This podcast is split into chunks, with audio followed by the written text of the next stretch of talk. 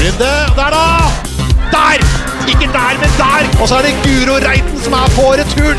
Ja, det er veldig, veldig bra gjort. Målet! Ah, ah, ah! Så kom skåringen! Det er jo absolutt praktfullt! Det nærmer seg fotball-EM, og tradisjonen tro så skal vi selvfølgelig presentere alle lagene, gi dere et lite tips på vegne av TV 2 og på vegne av alle dere som eh, hører på dette. Og eh, som sist gang, Solveig, så har du fått eh, velge en av få eh, norske kvinnelige fotballspillere, eller fotballspillere generelt, ikke bare norske, som har flere landskamper enn dine 4500. Så eh, velkommen, Hege Riise. Jo, takk. Og velkommen til deg òg, Solveig. takk. Og eh, velkommen til deg, Kristina, vår nye partner in crime i denne podkasten. Takk for det. Eh, hva gleder du deg mest til med fotball-EM? Vi kan jo si det at Denne podkasten spiller vi jo inn litt før vi slipper den, så hvis vi har noen på en måte navn eller sånn på spillere som plutselig har blitt skadet eller ikke tatt ut i en tropp, så må vi bare presisere at det er derfor.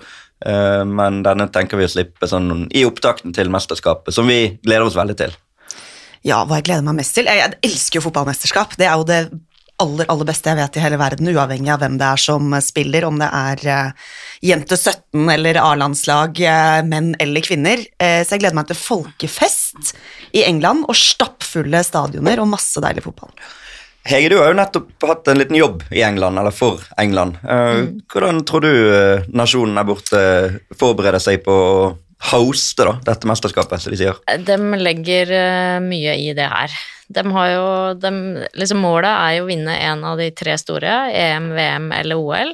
Eh, Det henger veldig høyt. Og nå er det på hjemmebane. De kommer til å mobilisere alt som mobiliseres kan for å, at England skal ha den største muligheten til å endelig vinne. Mm. Og så er det jo fantastisk kultur der, så det kommer til å bli et superbra mesterskap. Vi gleder oss veldig, Solveig. Du har kontroll på reiselogistikken og vet hvor du skal til enhver tid. Alltid kontroll jeg på reiselogistikken, så det er null stress. Og nå er vi jo en gruppe, så blir det jo enda bedre. Vi skal vise eh, 16 kamper eller, i gruppespillet. Eller totalt, kanskje er det vel. For TV 2 og så av NRK resten. Så vi, eh, vi gleder oss veldig til det. Du, du hadde jo England, Hege. eh, I, eller ikke England, da, Storbritannia i OL, og så England litt før eh, Sarina Wigman kom inn. Ja. Um, hvor bra er England? Vi kan begynne å snakke med England, for det er jo gruppe A og det første sidede laget i den gruppen til Norge. Hvor gode er de akkurat nå? Uh, de er uh, Altså, det er et vanskelig spørsmål, da, men sånn, Ja. eh, hva kan man forvente inn i dette Nei, jeg tror, på hjemmebane så tror jeg nå uh, England kommer til å vise krefter. Om de er liksom helt i toppsjiktet, det er jeg fortsatt litt usikker på. Eh, men gjennom kvaliken nå så har de jo hatt eh, store resultater, Mm. og så er det jo motstand eh, deretter. Men jeg tror jo Sarina har kommet inn og bygd litt mer av den kulturen, da få mm, spillestil, retning, sånn som hun ønsker. Så det lover jo godt, syns jeg, for England nå.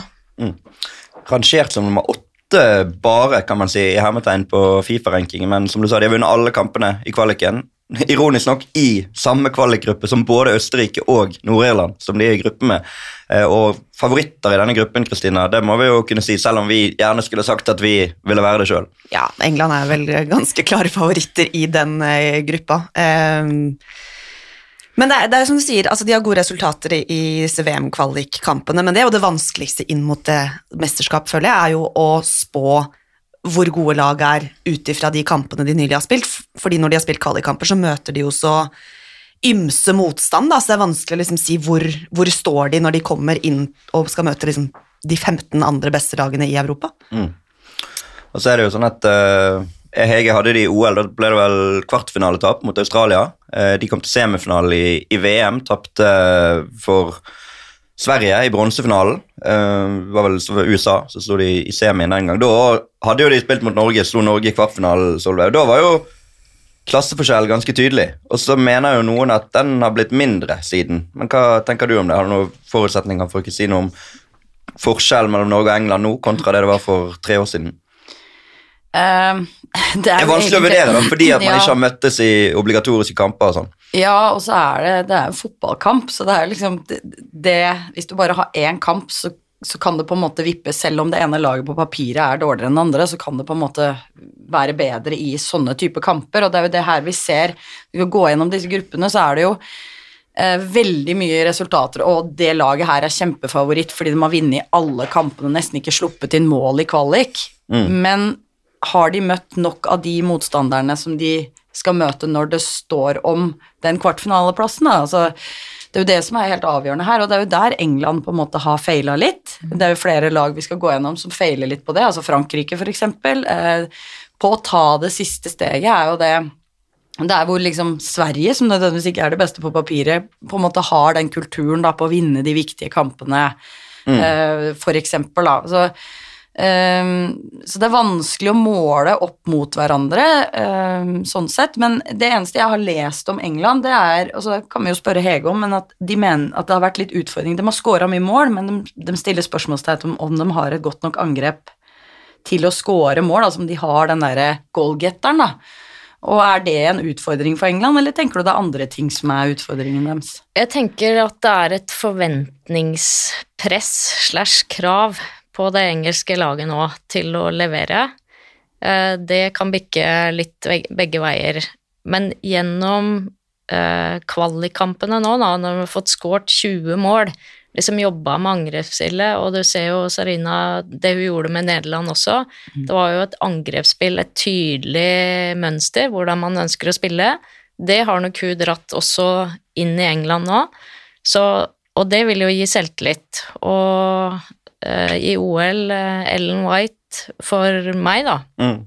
skåra alle måla. Skikkelig måltyv. Og så spiller jo ikke hun alle kampene nå i Manchester City. Nå har de eh, fått en annen spiss som de satser på. Så hvem som er etter hun, det, det er jeg litt sånn usikker på. Å finne den goalgetteren som eh, kommer til å skåre mål. Men jeg tror at de kommer til å dominere kamper, og at de kommer til å skåre mål. Det er jeg ganske sikker på. Tenkte vi skulle dra frem en sånn fun fact på en spiller. Eh, Vi har jo fått litt research-gjeld fra The Guardians, eh, folk rundt om i hele verden. Og Ellen White, fun facten, den brillefeiringen, eh, den er jo ganske markant for henne. Stammer fra at hun en gang var så Bundesliga sammen med mannen sin, Anthony Modest, på Köln. Fikk hun veldig sansen for. både eller Hun har sett mye Bundesliga, likt Bundesliga, men fikk veldig sansen for han. Flopp i England, i Blackburn, ti år, for ti år siden. Han feiret sånn, hun digget den feiringen, og nå feirer hun sånn sjøl. Så det var den fun facten. Men eh, Norge og England har møttes eh, tre ganger før i mesterskapssammenheng. Kan være en liten quiz til dere.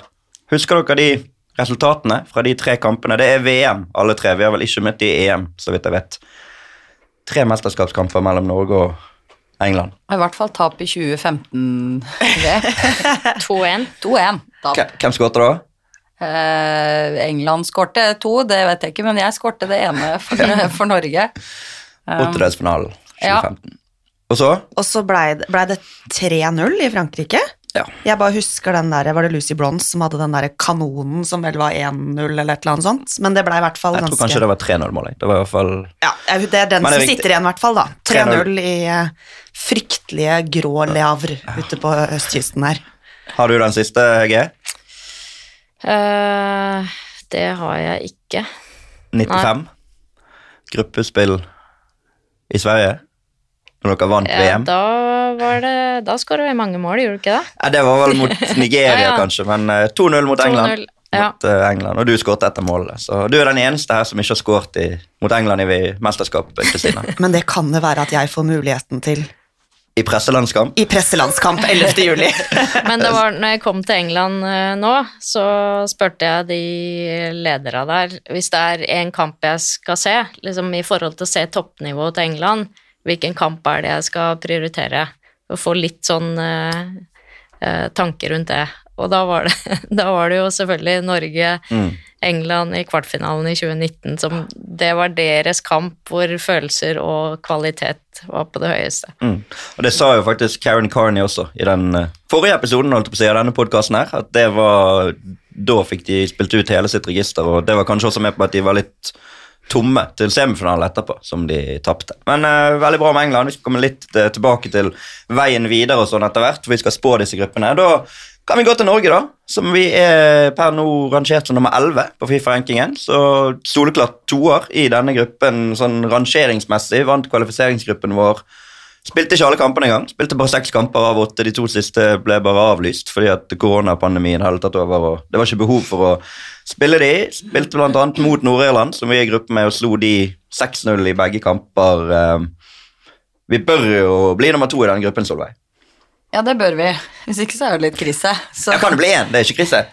Nei, det er ikke krise, men eh, Nei, eh, vi bør bli én eller to. Mm. vi må komme oss videre fra gruppespillet. Nå røyk vi forrige EM i gruppespillet, og det, det er ikke greit. EM er et såpass nivå at der skal vi henge med. Eh, så, så ja.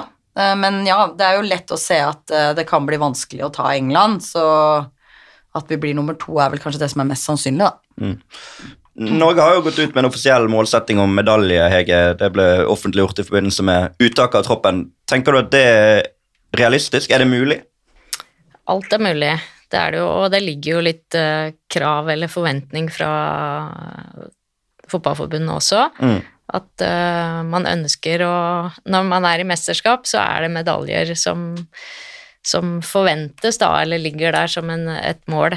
Eh, og sånn bør det jo kanskje være. Og så er det jo å få følelsesmessig tilknytning til det målet. Liksom, er det, er det mulig? Og ja, selvfølgelig er det mulig, men det vil jo være et Norge på sitt aller, aller beste gjennom et helt mesterskap.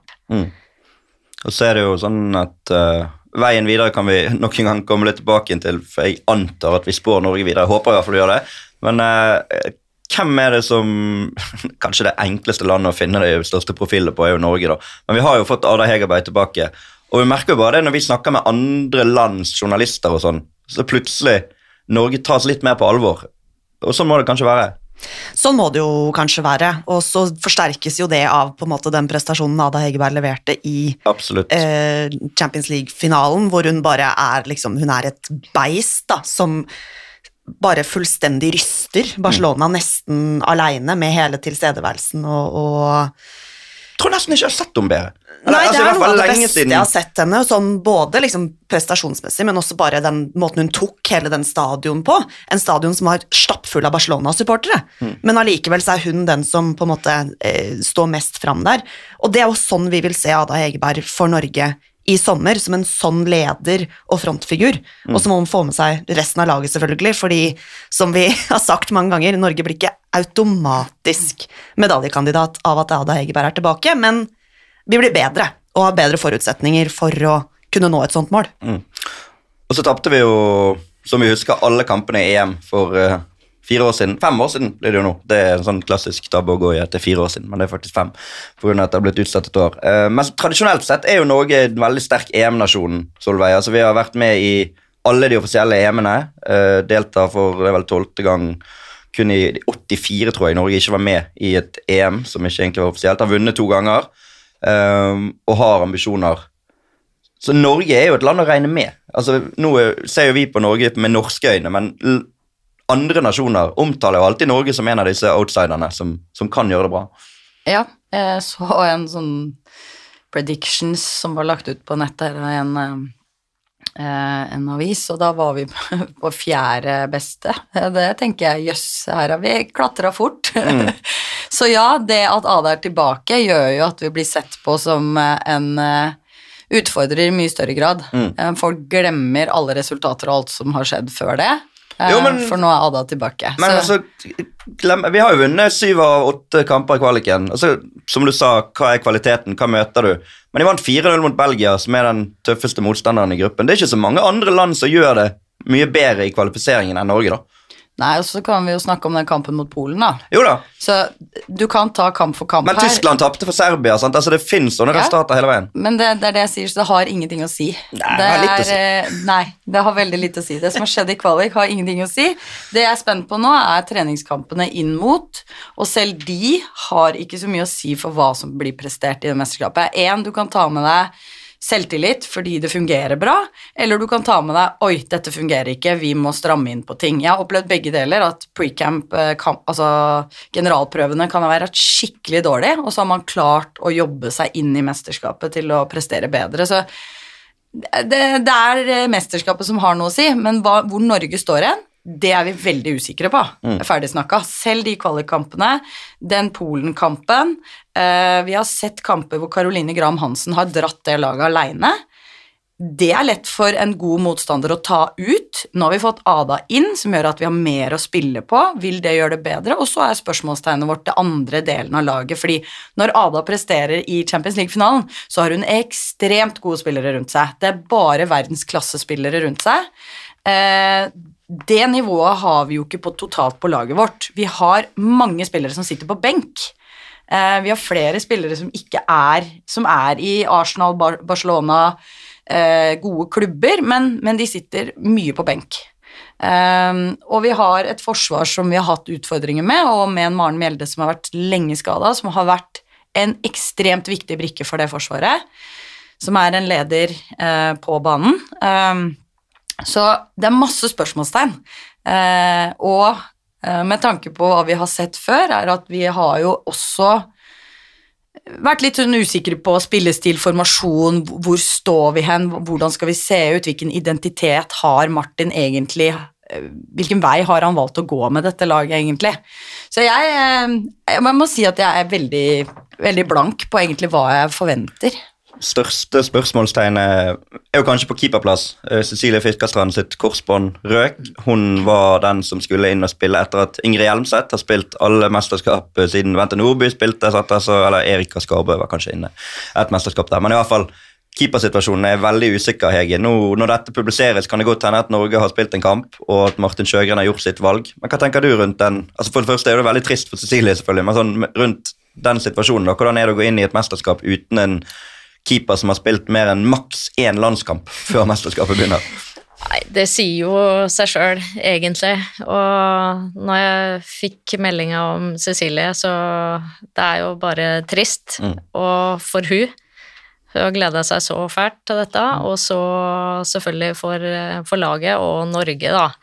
Det er klart at uh, keepertrio med 1-1-0 eh, kamper, det gir jo ikke den beste selvtilliten. Og det med trygghet bak, det handler jo om et godt forsvarsspill som du må ha når du møter det aller beste. Eh, så jeg er jo også litt spent på, på sånn forsvar, hvordan vi står i forsvar.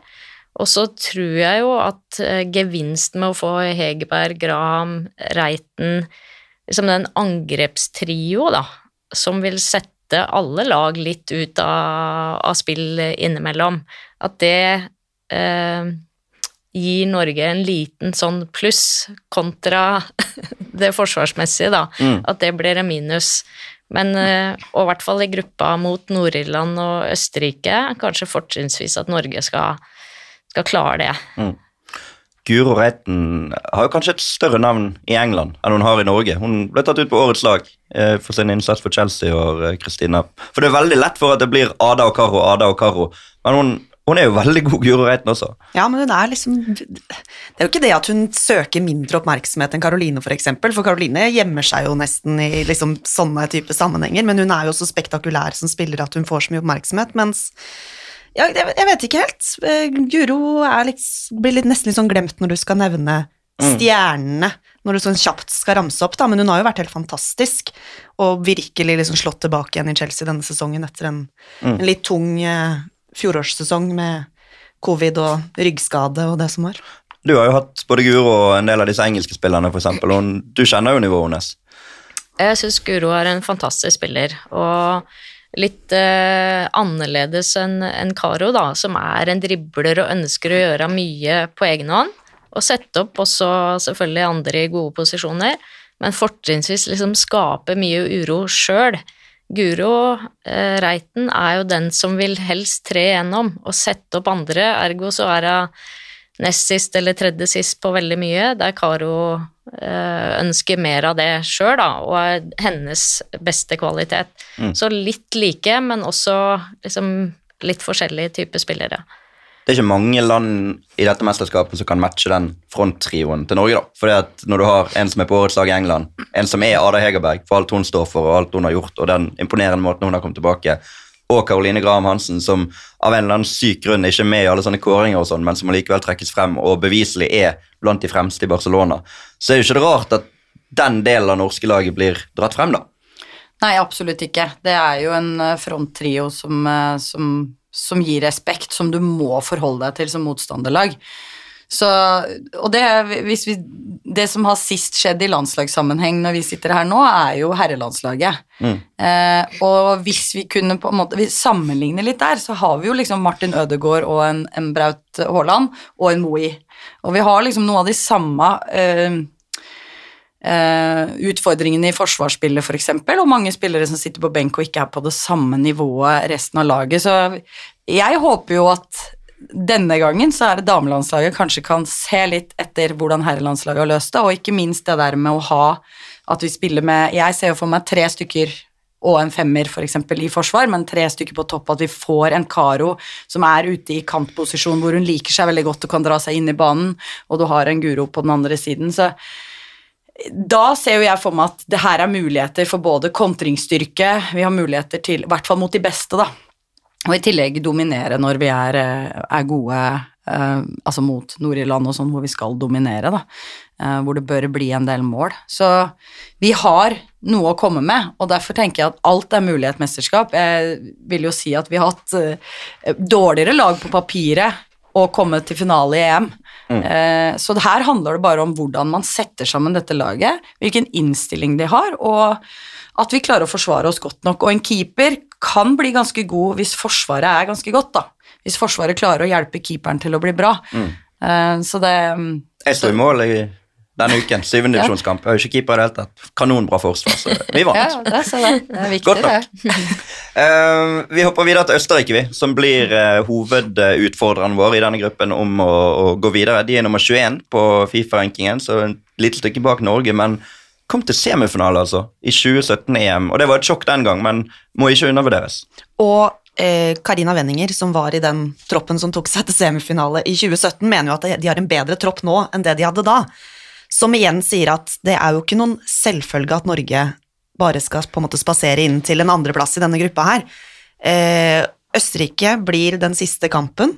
For det blir på en måte en finale, sannsynligvis, om hvem som går videre til kvartfinale. Og da jeg satt i går og liksom researcha på Østerrike, så fikk jeg dårligere og dårligere følelse på Norge, fordi at eh, jeg glemmer nesten hvem som spiller for Østerrike, og så dukker opp liksom navn som da, ja, Karina Wenninger og Sara Sadrasil og de typene der. De har et bra lag, og har jo tidligere vist, selv om det er fem år siden, da, at et kollektiv kan nå veldig langt. Ja, de har jo den kulturen inne, eh, og de har opplevd det før, så de veit jo hva som skal til, da. Og det er jo en utfordring. Og da Nå husker ikke jeg, men hvilke, hva var den siste kampen når, når vi røyk ut av EM sist? Danmark. siste- Danmark, da var det akkurat det samme, sant? Det sto på at vi måtte Ja, Du måtte vinne med to eller tre fordi at Ja, de hadde sant. tapt. Uh... Så det, det er ikke noe selvfølge. Absolutt ikke. Internasjonalt har eh, det blitt såpass jevnt at eh, det de står for Østerrike, som jeg har lest om òg, er jo at de er gode på å altså, bytte taktikk òg. Altså, de, de, de forholder seg litt til motstanderen, og, og det er jo noe som Norge liksom må, må forholde seg til, da. De har kun vært med i det ene mesterskapet da de faktisk tok det til semifinalen. Ja. Så det er litt drøyt å si at de har kultur eller tradisjon, eller hva det var du sa. For, Nei, men de har det i Men ja, da, de, har, de har gjort hvis det sist gang de var med. Ja. Ja. Har du gjort det én gang, og du har vært med på det, så har du kulturen for å vite hva som skal til, da. Mm. Og så kan du prøve en annen måte. Eh, Du kan prøve en annen vei, men, eh, men de veit liksom De har i hvert fall gjort det før, da. Noen av de. Det er sikkert en del spillere som ikke var med òg. Mm. Lenge siden Norge har møtt Østerrike, eh, altså lenge siden, seks år siden, Jeg har aldri tapt mot Østerrike. Har sånne ting noe å si? Eh, eller er det en helt ny verden når de har blitt mye bedre enn de har vært? Jeg tror nok at det er en ny verden, ja. Ja. Og nå var jo jeg med Jenter 19 og spilte kvalik da i Østerrike. Og da var det jo siste avgjørende kamp eh, hadde jo vi mot Østerrike, som da var puljevinner fra første kvalikrunde. Og det er hardt hardtarbeidende lag. Mm. defensivt med god kontringsstyrke. Det er sånn i mitt hue. Og det kan jo Mm. Hvis man tenker Østerrike-Norge da i siste avgjørende kamp, så kan det bli veldig sånn åpen, eh, åpen kamp. Nevnte at de var, eller er i VM-kvalifiseringsgruppe med England nå. Har eh, vunnet seks av åtte kamper. De har faktisk spilt en av kampene uavgjort mot Nord-Irland, men slo de nå nylig i april, 3-1 der, så ganske soleklar bedre enn Nord-Irland må man regne med. Eh, direkte kvalifisert til mesterskapet som tredje beste toer. Da var de bak Frankrike i kvalifiseringsgruppen sin. Eh, sånn spillere, Du nevnte et par navn der. Kristina. Hvem er det vi på en måte må se opp for? Eller Hvem er de største profilene her? Hun som nevnes som på en måte som eh, Østerrikes stjerne da, eh, i denne lagguiden som The Guardian kommer til å kjøre ut, er jo Sara Sadrasil, som spiller i Bayern München, vært der i mange år. En liksom både kreativ, men også helt ekstremt liksom arbeidsom eh, midtbanespiller, som ja, løper eh, mer enn jeg har sett eh, mange andre gjøre. Og så har de jo en del sånn, altså som jeg nevnte, Karina Wenninger, som er veldig rutinert, er vel 1 eller 32 år gammel, eh, midtstopper i Bayern München, mange år bak seg.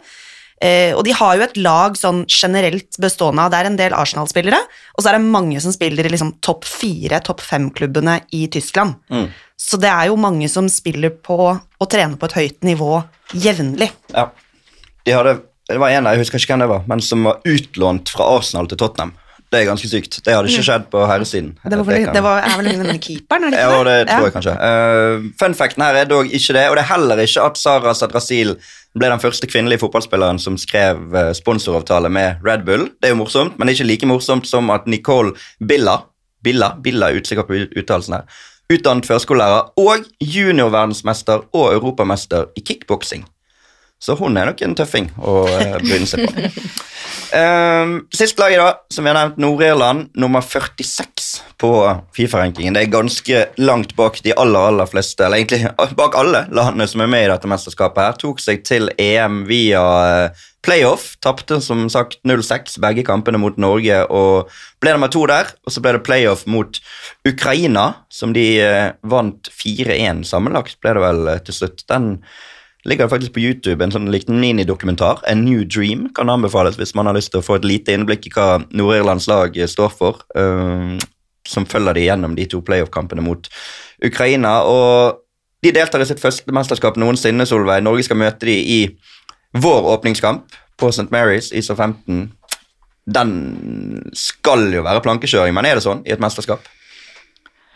Akkurat det, her, ja, akkurat det her skal være plankekjøring. Eh, det her eh, skal vi ha Skal vi ha en målsetning om medalje, så må det her være en dag på jobben hvor det bare leveres, rett og slett. Eh, men, men ikke sant, det er første kampen til det laget her, og de kommer jo til å løpe og ofre alt. For det, det lille jeg har sett av de, er jo det, når de spilte mot Østerrike og sånn, er jo at de har jo en innsats ut av en annen verden, for det, det er jo det de kan komme med. Men allikevel, så i løpet av 90 minutter så skal Norge klare å spille ut det laget her og skåre nok mål til å få en komfortabel seier. Mm. Men uh, de kommer til å ha en enorm entusiasme, da. Og du kjenner jo litt til den britiske mentaliteten via din tid i England, Hege. Og, og det kommer til å være mye interesse rundt dem, vil jeg tro. Mye folk. Så det blir, det blir sannsynligvis veldig gøy å følge Nord-Irland. Ja, absolutt. Det, det var jo min første motstander som Ja. eh, England-sjef. Da vant vi 6-0, tror jeg. Mm. Um, men det er jo, som du sier, kultur med hardt arbeidende spillere og stor entusiasme. Men en kamp som Norge uh, skal styre. Ser at vi faktisk tapte en kamp mot Nord-Irland i 2011. I en EM-kvalikkamp, faktisk. Var du med da, Solveig? Nei. Nei, var... nei, nei, jeg var ikke med da. Nei. nei, men da, jeg lurer på, hvis ikke jeg tar helt feil, for da var jeg ikke med, men da lurer jeg på om det var en kamp hvor det var et utbrudd av sånn mage... Ah, ja. For, eller ja, matforgiftning.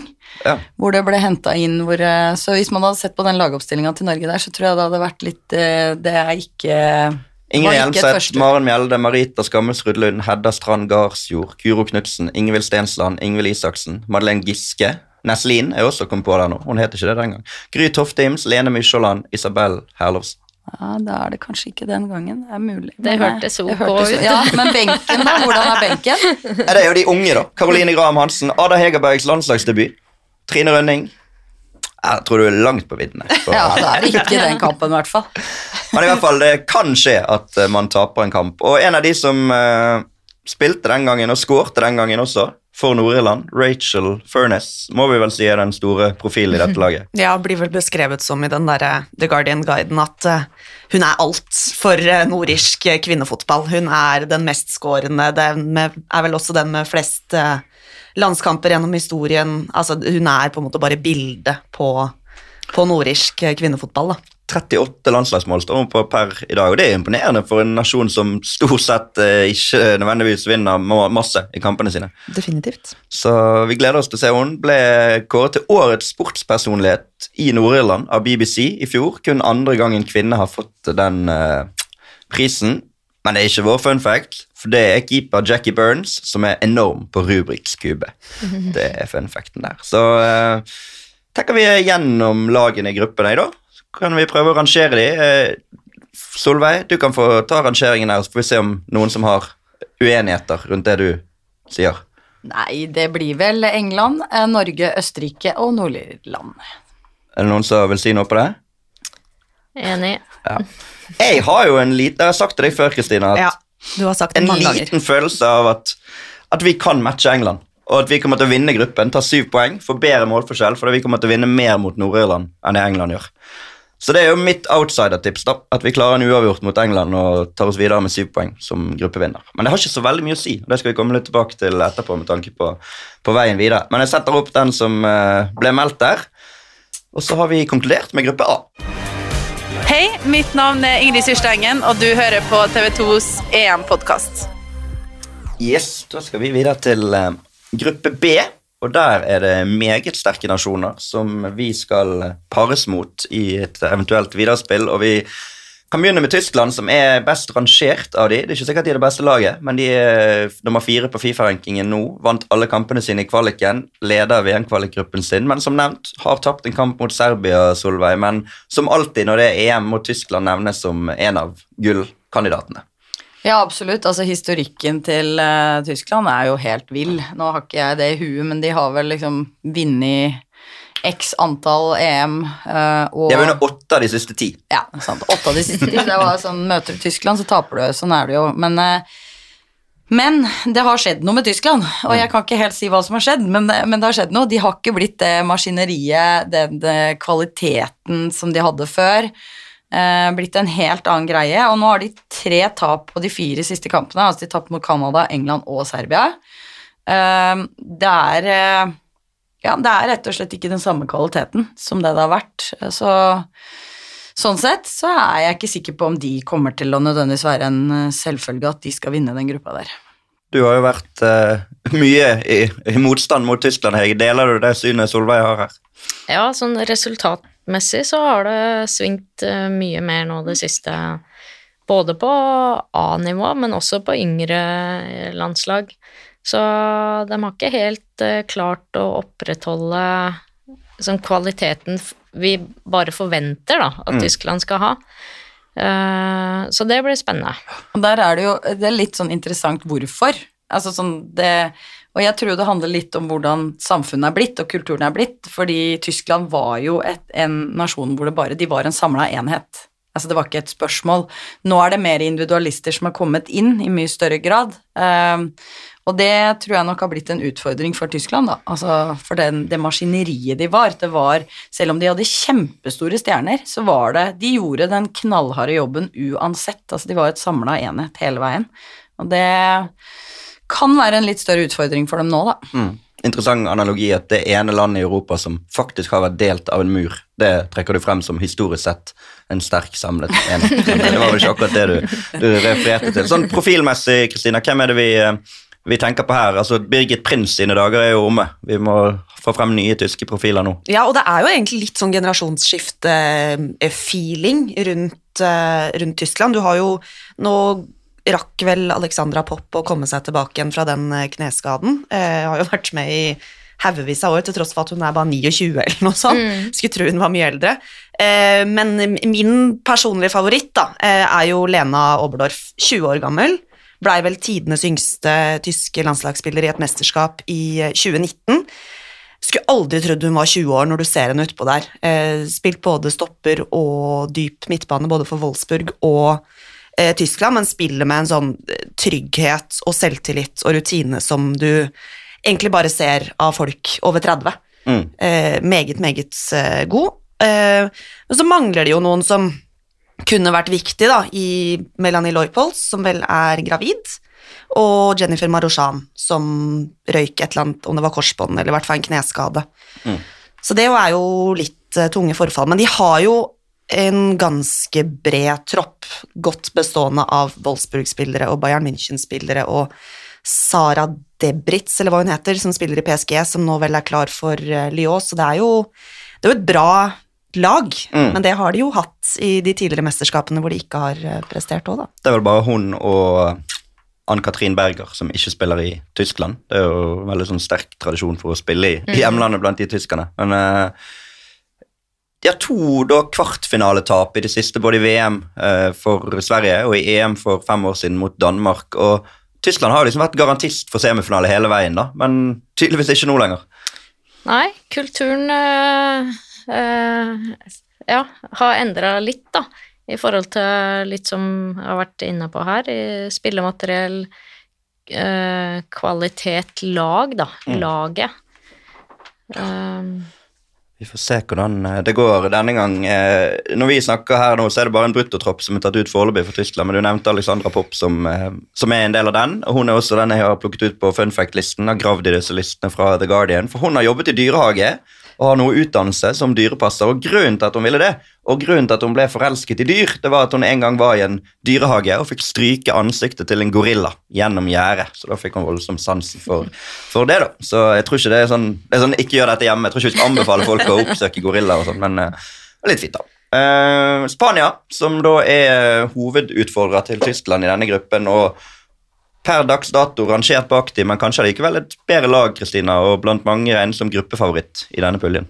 Ja, kanskje. Eh, fordelen deres er jo at sentrallinja i det som sannsynligvis blir elveren, er jo Barcelona. Mm. Det starter på keeperplass, du har begge stopperne er Barcelona, og midtbanetrioen er Barcelona. Da får du jo mye samspill og gode relasjoner fra et lag som har vært fantastiske eh, de siste par årene. Men jeg, jeg syns kanskje ikke det er et så stort tap som det kanskje var tenkt i utgang, eller som man tenker med en gang. Det er jo at Jennifer Hermoso eh, pådro seg en kneskade nå for et par dager siden og er ute av mesterskapet. Hun var jo på en måte spådd å være eh, førstevalg på spissplassen. Men hun har ikke vært så god nå i våres. Var ganske dårlig i Champions League-finalen, blant annet. Så det kan jo være at det er en form for blessing in disguise, at det er noen andre som får sjansen på topp der for Spania. Og så sa du så at det har ikke noe å si hvordan det går i kvalik, og sånn, men de har da vunnet alle kampene sine, er kvalifisert for VM allerede, som heter fire europeiske land vant uh, syv av uh, åtte kamper i kvalikgruppen for det som nå er ganske lenge siden, og har vært nevnt de siste mesterskapene som at nå er det endelig Spania. Nå skal Spania komme. Dette er deres mesterskap. Men de tapte åttedelsfinale i VM, riktignok mot USA. Og de tapte kvartfinale i EM sist mot Østerrike, som da var et stort sjokk den gang. Så de har jo ikke den der De har jo ikke den mesterskapstradisjonen. Nei, det har de ikke, og Barcelona har vel heller ikke klart å vinne eh, pokalen. Nei, de vant jo i fjor. Ja, men sånn over tid, da. Sånn med å være liksom sånn det beste laget. Sånn som i år, så burde de jo ha vunnet det. Mm. Sånn sett på prestasjon og resultater. Oddsmarked. Ja. Så det er det som taler imot dem. Eh, For min del, det er jo at eh, de er mulig å krige ut av stilen. De er eh, et litt romantisk lag som skal spille fint, og det skal være være veldig pent, men, men, men går det an mot et lag som kanskje er på samme nivå på papiret, og som, som Lyon f.eks. gjorde mot Barcelona, at du på en måte tar dem ut av stilen sin og setter dem på plass. eh, så det er utfordringen til det laget der. Jeg har lest en del om at de mener at de har utfordra seg sjøl på det og blitt mer direkte. Eh, altså at de kan nå variere mer. Det vil jo bli en vanskelig Da begynner det å bli vanskelig å slå Spania, hvis de klarer den variasjonen der. Um, så ja, på papiret så bør jo dette laget være Jeg tenker det, de bør egentlig vinne gruppa. Eh, så får man se, men, um, men ja, jeg ville si da de øverst. Nevnte at Hermoso er ute, men en som ikke er ute, og som eh, har vært er i hvert fall rangert som den beste spilleren i verden de siste årene. Alexia Putellas eh, skal absolutt sette sitt preg på dette mesterskapet, Hege. Hva, som gammel midtbanestjerne sjøl, hvordan eh, føles det å se hun spille fotball? Nei, det er en fryd. Hun styrer, hun er engasjert, hun vil ha ball. Hun Nei, hun er uh, artig å se. Og som andre har sagt her, Spania har jo eh, en mulighet til å vinne egentlig alle mesterskapene de er i. For kvalitetsmessig så er de eh, gode. Men så er det det med kultur. Jeg trodde de skulle vinne noe i 2015. Det var liksom første inngangen jeg tenkte at nå er det mulig. Eh, men skuffa stort, og sånn har det vært litt, da. Og Barcelona nå med den totale overlegenheten i hjemlig liga, eh, gjennom eh, semifinale, kvartfinale, semifinale, så forventer man at de skal klare å ta det også, men eh, liksom det, det blir ikke helt sånn helt rått. Nei, for det er ekstreme kvaliteter, da. Og det, i 2013 så møtte vi vel eh, Altså Norge møtte oss da Spania i en kvartfinale, mener jeg. Mm. Og da husker jeg liksom planen til eh, Even Pellerud var at vi skulle gå ut og bare ta Spania høyt. For da var de liksom ikke Vi, vi hadde ikke helt satt dem på kartet ennå. Eh, de var gode, men det var liksom ikke en nasjon du på en måte tenkte ja. Eh, vi prøvde å gå ut og ta de i høyt press og skulle liksom styre matchen. Bare glem det. Det gikk altså fem minutter, vi har ikke vært borti ballen, og det var bare å legge seg lavt. For fikk, vi fikk ikke tak i ballen. Ja. Altså, De er så gode med ball, og de er så teknisk bra, og også bra forståelse i spillet sitt, og diagonale pasninger, og vi løp bare imellom. Og at vi vant den kampen, var jo egentlig litt sånn tilfeldigheter, egentlig. At de ikke klarte å skåre. Og vi hadde Jeg husker at jeg hadde vel et innlegg som gikk inn i mål. Altså, det var, det var eh, ja, det var litt sånn tilfeldig. Ja, ja, det var liksom Det var sånn da Ja, sånn, der skårte vi. Eh, oi, oi! Så eh, sånn kvalitetsmessig så er det et lag som burde på en måte klare egentlig å ha en pokal. Jeg Men- føler, har litt feelingen av at Spania på damesiden er litt det Spania på herresiden var pre-2008, før de tok den første, den første tittelen i EM der, at det var sånn kjempe-nesten-lag. Eh, og at det gikk litt for mye på tvers og fantastiske spillere og alt mulig, men det løsna aldri. Føler Spania på damesida også er litt der, for det ligger liksom og vipper om skal de klare å få det gjennombruddet endelig nå, eller blir de liggende på den derre Å være det nesten-laget som bare Ja. spiller på tvers, da. Beste EM-resultatet deres er faktisk fra 1997, før de egentlig ble sånn kjempegode. Da kom de til semifinalen, men tapte for Italia den gang. En kjapp fun fact, ikke så veldig fun, men Mapillon Leon har jo sett med disse tatoveringene sine. Og det er jo litt gøy at hun har laget en del av de sjøl, fordi at hun eh, tatoverer seg sjøl. Og da var det vel sånn at hun hadde mest på, mest på venstre. Ikke så mange på høyre som hun har laget sjøl, fordi at hun må bruke den riktige hånden. Så litt, litt artig. Ikke den gøyeste fun facten. Lover det kommer bedre etter hvert. Eh, Danmark outsider i denne gruppen. Eh, vant sin kvalikgruppe, leder sin VM-kvalik nå. De er allerede klar for VM, de også. For første gang siden 2007 faktisk Danmark spiller VM. Eh, men i EM har de gjort det ganske bra de siste gangene. Slo ut Norge sist gang for fem år siden og gikk da hele veien til finalen. Tapte finalen riktignok for Nederland og tok seg også til semifinale i det 2013-mesterskapet som Solveig refererer til hele tiden, bare for at vi skal kunne hente frem alle de enorme prestasjonene hun hadde den gangen. Men eh, to eh, sterke EM på rad i hvert fall for Danmark, og igjen er jo dette et lag som kan gjøre det veldig bra, men de er i en tøff gruppe. De er i en tøff gruppe. De er jo eh, hva skal jeg si, outsiderne, men det er jo ikke helt sjanseløst at, at de skal kunne ta seg videre til en kvartfinale her, hvis på en måte Vi har jo snakka om de svake sidene som både Tyskland og, og Spania kan eh, ha. Eh, nå vant de nylig i en treningskamp mot Østerrike, dog uten at noen av de eh, stilte med helt fulle tropper, da. Eh, men sist jeg så Danmark sånn ordentlig, var på Algarve i februar mot Italia. Da syns jeg de så ufattelig tamme ut. Eh, og bare liksom, Jeg var ordentlig skuffa, for jeg hadde gleda meg litt til å se Danmark. Da spilte ikke Pernille Harder, det skal sies, hun satt på, på tribunen, og det Mm. utgjør jo en viss forskjell for det laget. Ja, og de eh, skal opp imot Tyskland, da, som eh, de eh, også slo ut på veien mot den eh, finalen i 2017. Og det var jo et sjokk den gang at Tyskland skulle tape en kvartfinale for Danmark, men eh, det er vel åpningskampen deres, tror jeg, på Brentford Community Stadium. Hva tenker du om Danmark? Kan de, kan de være de som vipper en av disse to gigantene vekk fra en kvartfinaleplass, tror du? Nå er det lenge siden jeg har sett Danmark uh, i noen offisielle kamper, men uh, jeg sett sånn eh, historien, da, så ser jeg ikke at Danmark heller skal matche verken Spania eller Tyskland.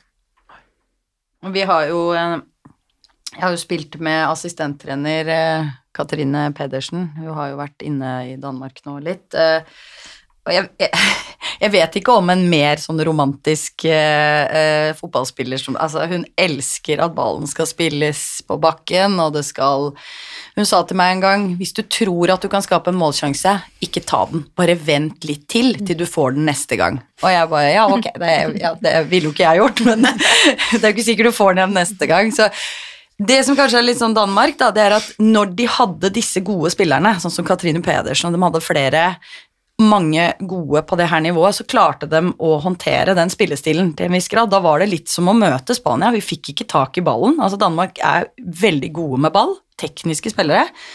Eh, Men, eh, men nå så har de ikke det jevne nivået lenger inne på nok spillere. Og Pernille Harder er de helt avhengig av, eh, og hun er jo en klassespiller.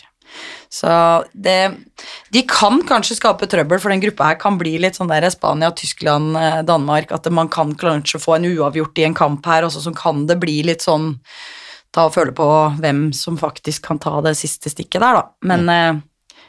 det er vel eh, Ja. Danmark skal jo ikke være bedre enn Spania og Tyskland. Er det andre enn Pernille Harder som vi tenker det Eller er det sånn hun og kun hun? Må jo være flere. Det er jo flere. Eh, Du har jo Signe Brun, blant annet, som eh, er Lyon-eiendom, men blei lånt ut til Manchester United nå i, i våres, men skåra vel ikke et eneste mål på de fem kampene hun fikk der, så det lover jo ikke sånn veldig godt. Men eh, hun har jo noe, noe ved seg. Sofie Svava, også vært litt sånn varierende det hun har levert i Real Madrid, men fikk en del tillit en periode på den ene kanten der. Eh, og så syns jeg eh, Caroline Møller, som også er i Real Madrid, eh, som syns har fått ufortjent lite spilletid der, for jeg syns alltid at de kampene jeg har sett Jeg kan ikke skryte med at jeg har sett enormt mye Real Madrid-damer denne sesongen, men de kampene hun har blitt bytta inn, så skaper hun alltid et eller annet. Skaper litt, litt røre, så hun har i hvert fall notert meg som en, en form for kanskje joker, da, selv om hun ikke er spådd å, å starte for Danmark i dette mesterskapet. Det er vel en del eh, spillerinnslag fra toppserien. Det er det. Eh, Ja, nå ble vel den, ble den troppen tatt ut i går, var det det vi sa, Kristina? At den kanskje ble tatt ut før vi skulle inn i Nei, jeg tror ikke han er bekreftet ennå. Ja, nå ble jeg usikker, men det er i hvert fall uh... Det er i hvert fall muligens to Vålerenga-spillere der, da. Ja. Så, og en keeper fra Rosenborg. Så Og en Nei, nå blanda jeg. Glem det. Ja, fort gjort meg. å blande. Jeg tror jeg var på Island et øyeblikk. Ja, fort gjort å være på Island. Uh, Katrine Veie, venstreback, enorm teknikk, skårte mot Norge i eh, EM for fem år siden. En av grunnene til at hun kanskje har så god teknikk. Hvem spilte hun med da hun var liten? På middelfart. Som ungdom, som barn. Vet du det, Solveig? Nei. Kristina vet det. Jeg vet det, for jeg har lest. Ja. Spilte sammen med Christian Eriksen Christian Eriksen. De og spilte på Rasmus Falk. Det er riktig, på FCK.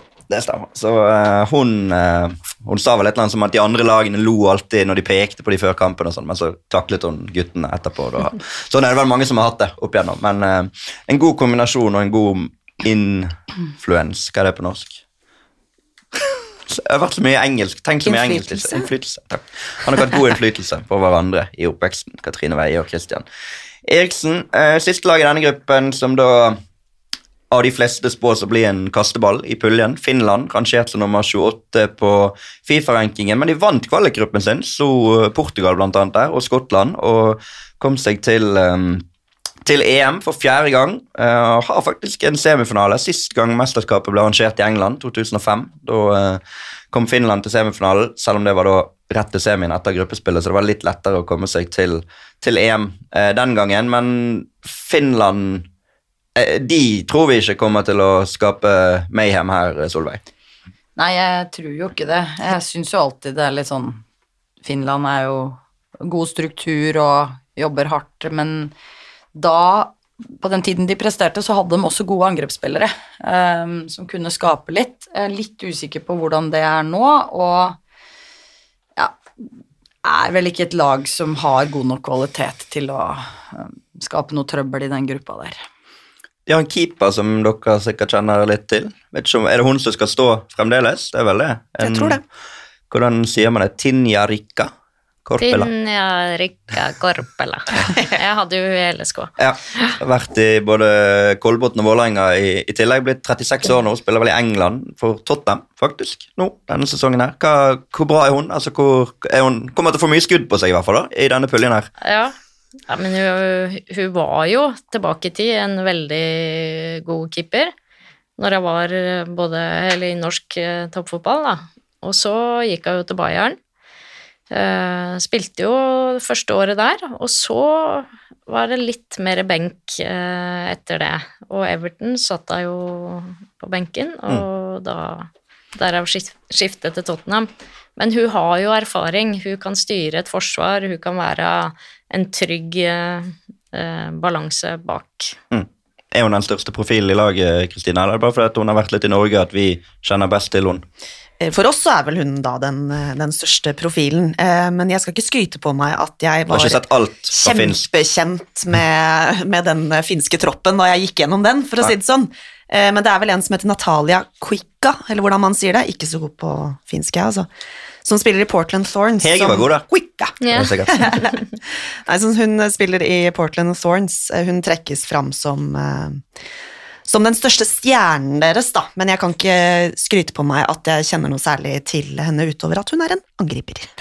Så har de en forsvarsspiller som heter Ellie Pikkujemsa, og hun har sølv i ungdoms-OL i snowboard, slopestyle, og flere medaljer fra junior-VM i på snowboard. Sier at det har hjulpet henne i fotball, fått god balanse. Så syns jeg noen som eh, med myke bevegelser eh, avanserer seg gjennom eh, lagdeler, så er det nok en snowboarder i Finlands eh, bakre rekker. Jeg tenker vi kan eh, komme med en rangering her, Jeg. den er jo kanskje litt eh, vanskeligere.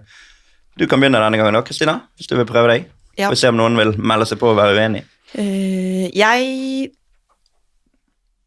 tror eh, Tyskland kommer til å toppe den gruppa. Jeg bare har en sånn magefølelse på at de at det kommer til å sitte denne gangen av en eller annen grunn, da. Og så er jeg litt sånn Jeg vet ikke. Jeg tror Spania kommer inn med veldig stor selvtillit og, og tru, men kommer til å surre det til i første kampen, eller altså et eller annet sånt, da. Eh, Men jeg tror det blir Tyskland, Spania, Danmark, Finland. Solveig? Nei, jeg går for eh, Spania, eh, Tyskland, Danmark, Finland. Hege? Jeg tror også Spania denne gang eh, lærer litt av det som har eh, skjedd, og topper gruppa sammen med Tyskland, Danmark, Finland. Da blir det 8300 landskamper mot deg, Kristina. De, de får få den. Så, Det går helt fint. så setter vi det i den rekkefølgen. Og her er jo jeg nok en gang kontrær og tror uh, Spania vinner gruppen foran Danmark. At Danmark slår Tyskland i sin åpningskamp og kommer seg videre på det. Og at dermed det blir Norge-Danmark i kvartfinale. Det er mitt tips, men det får vi bare drite i. For at vi må sette opp uh, turneringstreet ut ifra det dere spår. Så da er vi ferdig med gruppe B. Vi hiver videre Spania som gruppevinner, Tyskland som toer. Jeg er Guro Reiten, og du hører på TV2 sin EM-podkast. Gruppe C. Nok en gruppe med to lag som begge har ambisjoner om å gå hele veien, får vi tro. Vi begynner igjen med det best renkede laget, som var Nederland. Det er ikke det beste rankede laget på Fifa-rankingen, men de var førstesidet. Eh, Nederland som regjerende mester. Eh, Kristina, de vant alle kampene sine i kvaliken. De eh, vant EM sist gang. De har plutselig blitt en stor fotballnasjon, også på kvinnesiden.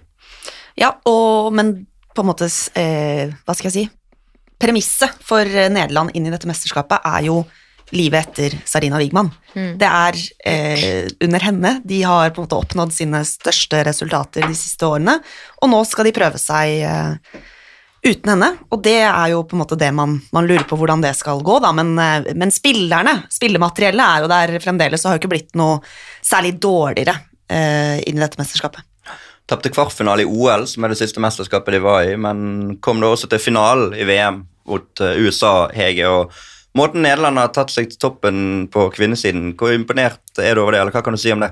Nei, jeg syns de har fremstått veldig sånn solide og bygd eh, laget rundt liksom eh, en, en god kultur, da. Det ser, det ser ut som de har det gøy, det ser ut som de har tro på det de gjør, og veldig sånn eh, offensivt gode kvaliteter i laget, og hardtarbeidende defensivt. Eh, så de fremstår solide, syns jeg. Vi husker jo EM for fem år siden, den åpningskampen Nederland leverte mot Norge, og den rammen rundt der, og det var veldig oransje på den eh, stadion i Det var vel Utrecht vi var den gang. Som egentlig var litt sånn sjokk eh, at Nederland skulle være bedre enn Norge, for vi kom inn der og hadde litt tro på det norske laget. Eller i hvert fall du har jo aldri tro, men, men sånn eh, oppmerksomheten rundt Det var ikke liksom forventet at her skal vi bli blåst av banen og tape 0-1. Nei. Eh, det var jo Altså, de har jo plutselig Altså, de har jo alltid vært der, Nederland, men de har liksom ikke tatt det siste steget. Så jeg vil jo si at eh, med, de har jo en del klassespillere i tillegg som bare leverer på et ekstremt høyt nivå, så uh, det, det er blitt et veldig bra lag. Sånn som du sier, da, så har de hatt noen trenere som har skapt en kultur i tillegg som, som bare gjør den totalpakka. nevner mye gode spillere. Kristina, du har fått en sånn ansvar for å trekke frem profilen her i dag. Hva, Sherida Spitzer har jo over 200 landskamper. Er hun fremdeles like markant i dette laget? Eh, Hun er i hvert fall spådd å fremdeles eh, være startelvermateriale inn i dette mesterskapet, Eh, så det sier jo mye om, om at hun har fortsatt å opprettholde sitt nivå også etter at hun forlot norsk fotball, og vi ikke fikk se henne ukentlig. Men den store stjernen er jo Viviane Miedema. Tidenes toppskårer for Nederland, tidenes toppskårer i Women's Super League i England, eh, toppskårer i OL i fjor, eh, bare en sånn markant gallionsfigur i Arsenal, da. Eh, og var jo rykta at Barcelona eh, ville sikre seg henne nå, fordi kontrakten hennes gikk vel ut nå, eller skulle gå ut nå til sommeren. Men hun valgte å bli Arsenal, fordi hun har lyst til å fortsette å være med å bygge, bygge det. Og det også føler jeg sier mye om, om en spiller at du eh, Ikke noe på en måte negativt om de som går til Barcelona, for det ville de fleste blitt frista, men det er kult med spillere som har lyst til å bli der de er, og fortsette å bygge på et prosjekt. da. At hun ser liksom at det kan gjøres noe i, eh, i Arsenal. Like Martens, som var kanskje den største stjernen da de vant for fem år siden på hjemmebane. Hun har jo ikke vært like markant i det Barcelona-laget som man kanskje Altså Mange som tenker ok, hun er fremdeles eh, nøkkelspiller nummer én, men hun er vel fremdeles sentral for Nederland. Definitivt. Nå har hun jo vært mye skada mm. denne sesongen, derav lite, lite spilletid, men eh, det er bare et år siden hun liksom herja i Champions League-finalen mot Chelsea for Barcelona. Barcelona. Så hun nå kommer til å være ekstremt viktig inn i, eh, inn i dette mesterskapet for Nederland. Eh, og så er det en liksom, litt sånn kul historie som har pekt seg ut. Det er jo eh, Damaris Egurola. 22 år gammel eh, Lyon midtbanespiller. Født i USA. Nei, jo, født i USA av spansk far og nederlandsk mor. Eh, spilt U-landslagsfotball for eh, Spania fordi hun har vokst opp i eh, Bilbao-området, men valgte nå i våres å bestemme seg for at jeg skal spille for Nederland. Eh, tok valget til slutt om hvilket A-landslag hun skulle spille for, og debuterte for Nederland i Groningen, som er morens fødeby, til tårevått fra tribunen fra begge foreldra. Så det er en litt sånn artig, artig historie der, da. Nevnte Sherida Spitze, Hege. Hun kjenner jo du godt og har trent. Eller sånn, Kan du ringe henne og høre liksom, hvordan det går med Nederland? Er de like gode som de har vært? Ja, jeg kan ringe, ja. jeg har ikke gjort det. Nei. Men eh, er det sånn at vi forventer at Nederland For vi skal komme litt tilbake til de lagene de er i gruppe med her, og sånn, men er de der at vi helt fint ser de i en semifinale igjen, tror du? Uh, litt usikker på det. Og det handler jo egentlig om trenerskifte. Mm. Hvor, hvor uh, tydelig er uh, treneren i Eller å videreføre kultur, da, som eh, er skapt. Uh, fun facten her, Vi må tilbake til Midema, som aldri drar noe sted utenlands med landslaget uten å ha med seg kosebamsen sin, Flipp. Den må alltid være med, og ble en gang glemt på et hotellrom, så da måtte hun kontakte de. Den var forsvunnet, var ikke der, men den hadde havnet i eh, vasken sammen med sengetøyet. Men de fikk den tilbake, så den er blitt en maskot for landslaget og er alltid med på tur med disse løvinnene, som de vel også kaller seg, på samme måten som eh, England. Så det, det var gjerne kravet til hun Wigman, at hun trener kun landslag som kalles for løvinner, da hun gikk fra Nederland. Hvem er det som har overtatt, forresten? Det kan vi jo kanskje nevne, i og med at vi har sagt at hun er forsvunnet. Det er jo vesentlig. Og eh, ble plutselig blank på navnet. Mark Parsons, er det ikke det han heter? Eller noe sånt? Ja, så det Eh, engelsk mann. Altså, Nederland har jo Altså, jeg husker jo hun fra EM var veldig sånn uh, solid hele veien og veldig sånn tydelig i sin kommunikasjon. Og, og, og når du da får inn en engelskmann Nederlenderne er ikke så gode på Jo da, det går nok helt fint å, å takle det. Så ja, stemmer det. Mark Parsons. Men Nederland sin tøffeste konkurrent i denne gruppen blir nok eh, Sverige, som er rangert som verdens nest beste landslag. Nederland er nummer fem, jeg vet ikke om jeg sa det. Eh, Sverige vant også sin kvalikgruppe, har vunnet eh, kvalikgruppen sin til VM allerede. En av de fire som allerede er klare. Tok sølv i OL, tok bronse i VM og har virkelig kommet seg helt opp der nå, Solveig. Og du, du nevnte det vel litt tidligere i sted at kanskje ikke de, de er så gode, men allikevel klarer de det. Ja, de har eh, klart å få en kultur. Eh, og nå er det jo da bygd et lag, da, litt over tid med en trener, som, som gjør at det har satt seg litt. Og da med de prestasjonene i VM og OL, så tenker jeg jo at dette er et lag som nå har Det er en del av disse som begynner å bli litt eldre òg, som har sin siste mulighet kanskje til å ta et, en mesterskapstittel nå. Så dette er et lag å regne med helt der oppe. Eh, absolutt. De slo da England i bronsefinalen i, i VM sist, tapte for Canada i, i OL-finale. Og der, der var det jo Det å tape en finale på straffer Det går vel ikke an å komme inn i et mesterskap mer revansjelysten enn det. Altså til det neste mesterskapet. Ja, definitivt. Altså så, du snakker om å bli slått på målstreken, på en måte. Jeg tror ha levert så bra i det OL-et. Så det er jo eh, På veien hit så hørte jeg faktisk på en annen podkastepisode med nettopp Magdalena Eriksson, og da snakka de om, eh, om nettopp den der revansjelysten og hva skal jeg si, troen de har på seg selv inn mot eh, EM nå, da. Mm. Hvis de skulle vinne, så er det første gang de vinner et offisielt EM, men de vant uh, i 1984, som ikke var regnet som et offisielt mesterskap. Men uh, søta bror, søta søster, sier man det? Hva, sier man det på kvinnesiden? Nei, jeg vet ikke. Um, de er absolutt kommet opp der for å, for å bli, og blir en av uh, hovedutfordrerne til, til alle her som vil, vil hele veien. Ja, jeg, jeg hadde jo ikke tenkt at de skulle spille en OL-finale, Nei. Men eh, det, de gjorde jo solide prestasjoner gjennom hele OL. Burde ha vunnet finalen. Eh, men så liksom, Jeg tenker at det var deres mulighet til å, å vinne noe. Men eh, de gyver på, og de vil være i sjiktet nå også til å vinne. De er ikke så svenske lenger. Hva legger du det? Nei, det har skjedd noe med Sverige. Det skjedde jo noe med Sverige nå. Nå har vi jo tatt Sverige på herresida òg. Eller sånn, det har liksom skjedd noe med Sverige på sånn andre ting. Men når vi hadde god kontroll på Sverige, så var de en 4-4-2-nasjon. Og det var liksom De viker ikke fra noe av den kulturen, og de spilte sånn hele tiden. Og vi hadde ganske ok kontroll på de. Selv om de var ganske gode, så hadde vi ganske bra kontroll på de. Men nå syns jeg de ligner litt mer på hvordan Norge så ut når vi på en måte hadde suksess, da. Det er en mye mer sånn 4-3-3, Uh, defensiv kontroll, kjøre kontringer Det er Ja. veldig annerledes uh, Sverige enn det vi så før. Um, og det er jo nok det som kanskje er grunnlaget for at de presterer bra nå, det er at de har funnet en identitet som funker med det laget de har, og de har jo ekstremt hardtarbeidende angrepsspillere, Ja. for eksempel. Det er eh, De jobber mye, de eh, Både kantene og spissen. Eh, Og veldig de, de vil jo fort i angrep nå. Mm. De slår gjerne langt også for å få ettertrykket og litt sånn norskt. Litt norsk. De har blitt litt På norske. 2000-tallet. Hvem er Sveriges svar på Solveig Gulbrandsen anno Norges glansdager, eh, Kristina? Eh, Det er vel kanskje det som er morsomt med, med Sverige òg, at det er liksom, jeg føler ikke det er sånn ett navn som peker seg ut. Det er jo, jeg har liksom notert ned her, det er, sånn, det er en haug av navn. Det er sånn Stina Blaksenius, Magdalena Eriksson, eh, Hedvig Lindahl, Fridolina Rolfø, Amanda Ilestedt, Hanna Glass, Caroline Seger, Kosovare Aslani Altså det er bare, lista bare fortsetter, da. Og det er i alle lagdeler, liksom.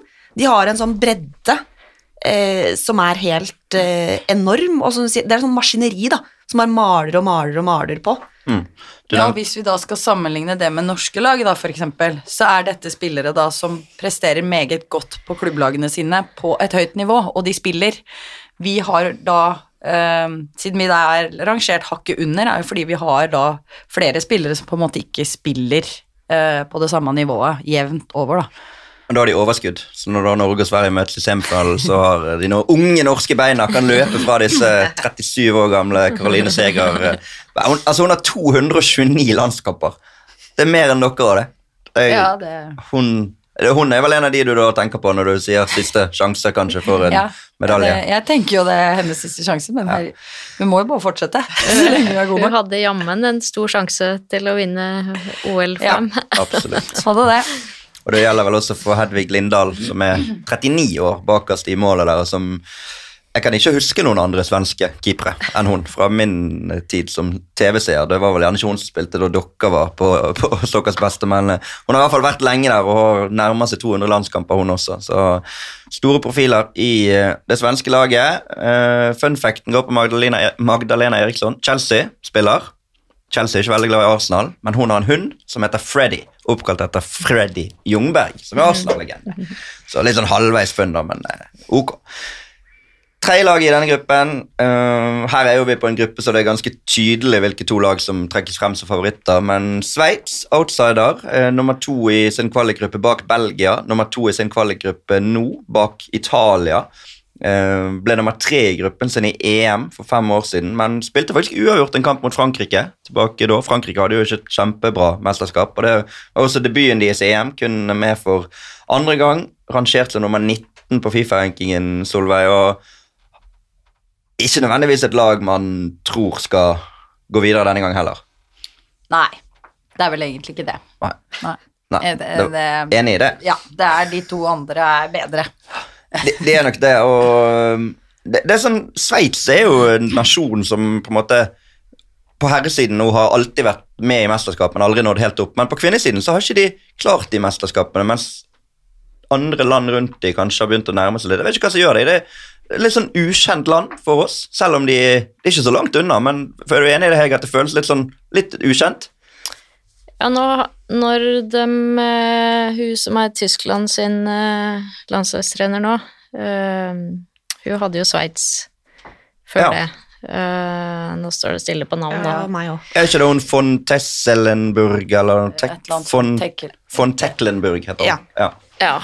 Så hun, var det ikke hun som hadde Sveits? Jo, stemmer det. Eh, og da presterte de jo på jevnt eh, bra nivå, da Ramona Bachmann kanskje var på sitt aller, aller beste, da, og, og leda det laget med eh, stødig fot. Mm. Eh, nå er vel hun litt på hell også, og så de, de har ikke klart å videreføre den kulturen som, som var da.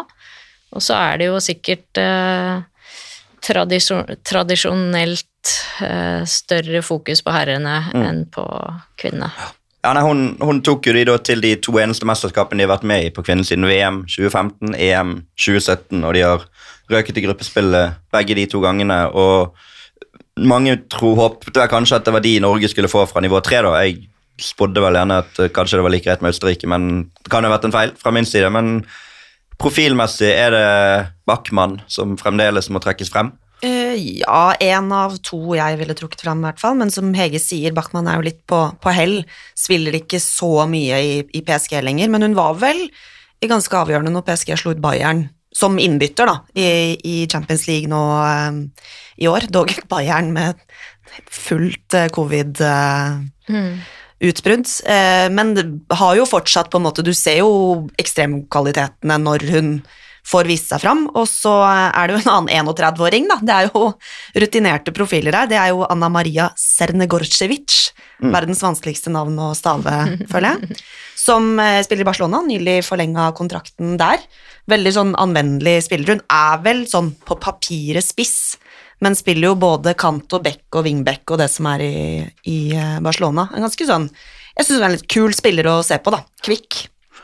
Rachel Rinast, eller Rachel Rinat, avhengig av hvor i Sveits. Der de har fire offisielle språk. Har du de for meg, Solveig? De fire offisielle språkene i Sveits? Tysk, fransk, Fransk. italiensk, reto-rumensk. Eh, Den kan du få som fun fact. Hun er profesjonell sanger. Sang den offisielle EM-sangen til Sveits for eh, fem år siden. United in Red. Eller han het kanskje ikke det, men han var oversatt til det. Så det var fun facten der. Siste lag i gruppen. Det var jo lenge uvisst hvem det skulle bli. I den offisielle Panini-klistremerkeboken der er det ikke noe lag i den gruppen. Eller det er en tom side der de har tatt forbehold om at eh, her kommer det et lag eh, inn. Fordi Russland skulle vært i den gruppen, men er blitt kastet ut av mesterskapet og ble det er jo ikke veldig lenge siden, en måneds tid siden kanskje, at uh, Portugal kom inn som erstatter der. Det var vel helt i starten av uh, mai at de fikk beskjeden, Eh, men det har vel vært liksom spådd at det skulle være Portugal, så de har vel forhåpentligvis forberedt seg på at de potensielt skulle til mesterskap, da. Ja. For det var vel den første hvis jeg ikke husker feil, den første troppen som blei offisielt bekrefta, var Portugal sin. Så de satt vel bare og venta på liksom Ja. trykke på knappen. Um, men er vel heller ikke et lag vi ser at skal kunne utfordre de to store i denne gruppa her i noe særlig grad. Nei, de tapte da Det ble nummer to i kvaliken bak Finland, som vi allerede har avkreftet som noe lag som har noe her å gjøre. det hele tatt omtrent. Eh, tapte playoffen for Russland, men har da fått plassen fordi Russland ikke får være med der. Eh, men eh, så, du så jo de på Algarve mot Norge, og da var jo de bra. Eller var det Norge som var dårlig? Vanskelig å vite, men i hvert fall den første de møtte vel de to ganger, ikke det? Møtte de to ganger. Ja. Uh... Første kampen vant jo Portugal over Norge. ja, da var Norge dritdårlige. Det må være lov å si, for det sa de sjøl etter kampen òg. Eh, blei helt sånn De var utrolig raske angripere. Og det var vel det kanskje Norge blei bare satt ut av fra første sekund der og aldri klarte å hente seg inn igjen. At eh, Portugal var så direkte og kjappe at de havna helt på, på hæla og fant aldri formen igjen. Men i den eh, bronsefinalen, eller hva det ble for noe, de møtte Portugal i den siste kampen i, i Algarve, så så det jo bedre ut for Norge sin del. Da klarte de å holde på, holde på formen. Mm.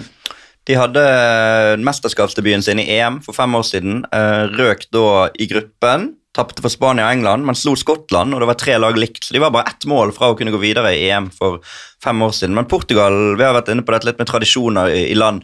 De har jo den Algarve-cupen, da, så Portugal er jo et land som har vært der hele tiden på, kvinnesiden av fotball, men kanskje ikke så mye med sitt eget land. Det er jo litt rart. Eller? Ja, øh, når vi starta vi starta Algarve-cupen, så var jo Portugals ett lag som var alltid gruppe A eller B. Og så blei det jo store resultat, så utviklinga for, for dem da blei jo ikke sånn som de ønska, og da fikk dem da blei det jo en tredje gruppe som dem kunne invitere lag eh, som dem kunne matche, da. Mm. Og jeg føler jo sånn eh, at de storklubba i Portugal nå begynner å satse litt mer også, på kvinnesida.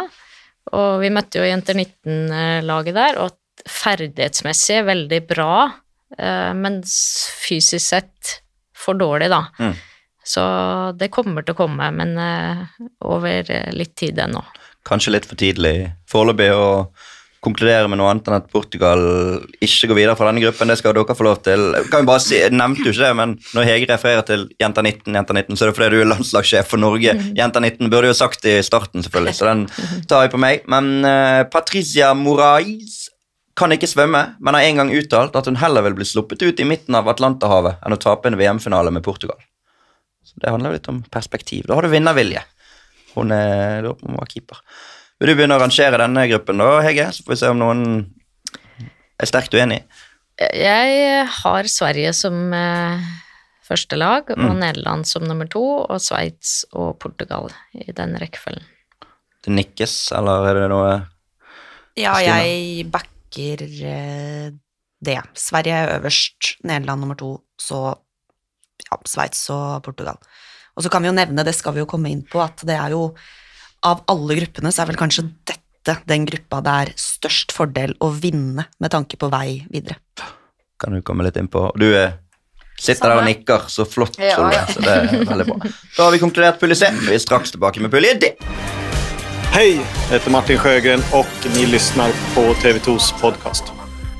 Gruppe D, den siste av gruppene, eh, begynner vi med Frankrike, som vant sin kvalifiseringsgruppe, som Solveig allerede har sagt at det ikke har noe å si, men i og med at jeg hadde forberedt hvordan det hadde gått i kvalifiseringsgruppene, så tenkte jeg å nevne det likevel. Uh, har vunnet kval- kvalikgruppen sin til VM også, vunnet alle kampene, Uh, og er da den siste av disse fire landene fra Europa, som allerede er klare for VM. Og igjen, Hege, foran et mesterskap med Frankrike, så er de nevnt som gullfavoritt, som gullkandidat, som et lag som må være der. Og så sitter vi bare her og bare venter på at nei, vi skal ryke i kvartfinale igjen. Ja, jeg tror jo at de gjør det igjen, jeg. Eh, ikke noe synlig bevis på at de skal snu eh, trenden, egentlig. Jeg har venta igjen på de, da, som litt som på Spania også. Jeg tror eh, rivaliseringa Lyon, PSG De spillere der Jeg, er usikker på om, de, om samarbeidet er sånn lag. Det er mye individualister, og de er ekstremt gode 1-1 og ferdighetsmessig, men den totalen som lag, det er jeg fortsatt veldig usikker på. Du har jo sett mye franske lag, både i Ikke nødvendigvis vært så mye i Frankrike sett men fulgt mye fra din TV-stue på Oslos beste østkant. Um, hva forventer du av Frankrike, Kristina? Eh, de er jo altså sånn, de er jo favoritter til å vinne denne gruppa, hvis vi bare skal se liksom enkelt på, på gruppa, men det ligger jo og liksom ulmer eh, intriger og drama i denne eh, troppen. Eh, og det har det jo vært mye opp igjennom, både på herre- og damesiden i fransk landslagsfotball. Vi kan jo dra det litt sånn kort, og det er jo at eh, landslagssjef Jeg vet ikke om du sier Diacre? Diacre. Kjempegod på fransk. Jeg tror det er Diacre. eh, har jo hatt eh, ganske mange konflikter med eh, spillerne på landslaget eh, opp igjennom. Sara Bohadi, som sto i Lyon en årrekke, eh, la opp i, i landslagssammenheng på, fordi hun mente at det var usunt å være under denne treneren. Eh, Amandine Henry fortalte at etter eh, 2019-VM så satt spillere og gråt på hotellrommene sine pga. behandlingen, og, og landslagssjefen beskrives som en diktator. da. Amandine Henry, kampens spiller i Champions League-finalen nylig, er vraka til mesterskapet.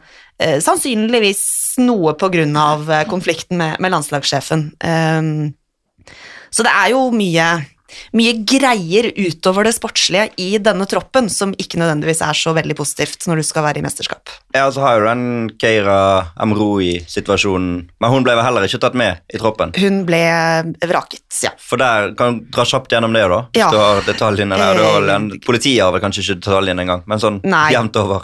Keira Amroi, eh, PSG-spiller nå, ble i november i fjor på vei hjem fra en lagmiddag angrepet av maskerte menn med en jernstang, eller hva det var for noe, og eh, slått over leggene med den.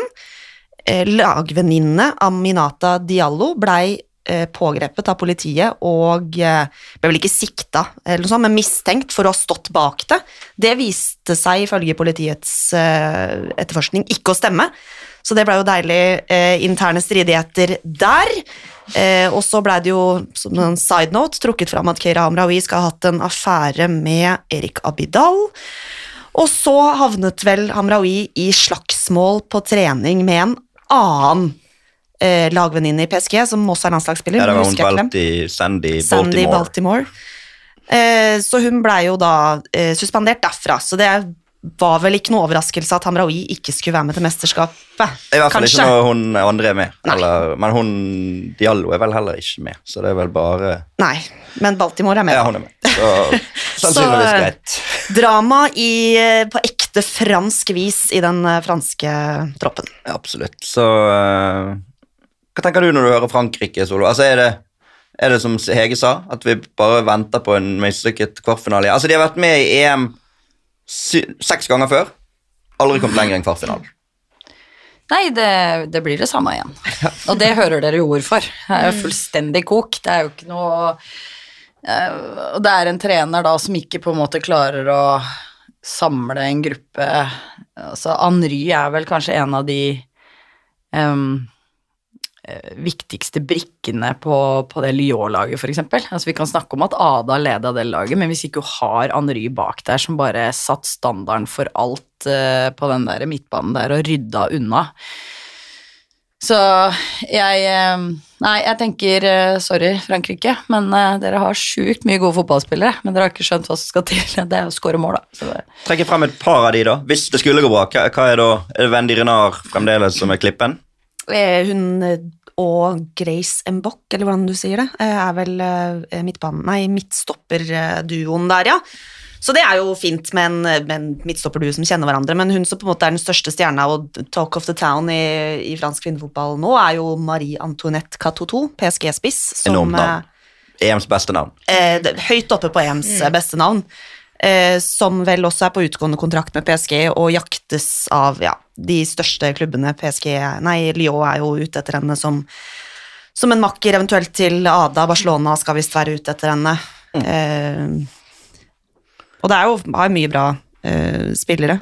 Delfin Cascarino også fantastisk i Champions League-finalen for, eh, for Lyon. Eh, Selma Bakka, 21 år gammel Beck, som eh, hadde veldig god kontroll på Caroline Graham Hansen i den Champions League-finalen, er jo også med i denne troppen, selv om hun ikke er spådd å være startmateriale. Det er nesten litt sånn vanskelig å spå hvem som skal starte for dette laget òg, i og med at det virker som at landslagssjefen har litt eh, slagside noen ganger, da. Absolutt. Eh, dere har jo snakket litt om dårlig stemning innad i laget, men Aisata Tunkara og da Grage Mbok har visstnok et så godt forhold både på og utenfor banen at de kaller hverandre, riktignok på tull, da, for Mafes Gauche og Mafes Druit, som betyr min venstre rumpeball og min høyre rumpeball. og det skal være Tunkara som er den høyre. Så det var fun facten på Frankrike. Det var litt gøy! Dagens beste fun fact, Solveig. Ja, vi lo litt nå, Ja. faktisk. Veldig bra. Uh, Italia, 14. sidet på Fifa-rankingen og eh, kvalifisert til EM som beste toer. Tapte for Danmark i gruppespillet, men tok seg til mesterskapet og har også gjort en bra kvalifisering så langt med 7-0-1 i sin pulje. Tok seg til kvartfinale i VM. Husker vi så de Husker vi så de i VM, eh, Solveig, mot eh, Jamaica? På den samme stadion som Norge spilte på, fordi vi var der og eh, Litt sånn halvfullt eh, stadionanlegg i Ræ der. Så tok seg videre i VM, men endte sist i gruppespillet i EM for fem år siden. Men tradisjonelt Det er jo et land som har vært der hele veien, på kvinnesiden, Hege. Dere har spilt mye mot Italia. Ja, vi spilte mye mot Italia. De kom jo aldri sånn helt opp på nivået. Til det var jo klubbfotballen for dårlig. Eh, nå har jo den tatt seg opp. Det er jo i hvert fall flere klubber der som legger mer penger i, i kvinnefotballen. Og du ser jo Juventus på, i Champions League eh, gjør det bra. Så det er jo forventa at de er eh, litt mer stabilt på et høyere nivå, men kanskje ikke noe lag som eh, forventes eh, å være helt i toppen. Ikke helt der de var i 1993, da de på hjemmebane møtte dere i finalen. Stemmer. Så eh, hvis Italia kommer der denne gangen, blir det et eh, stort sjokk. Men um Hvis Norge-Italia i Ja. finalen.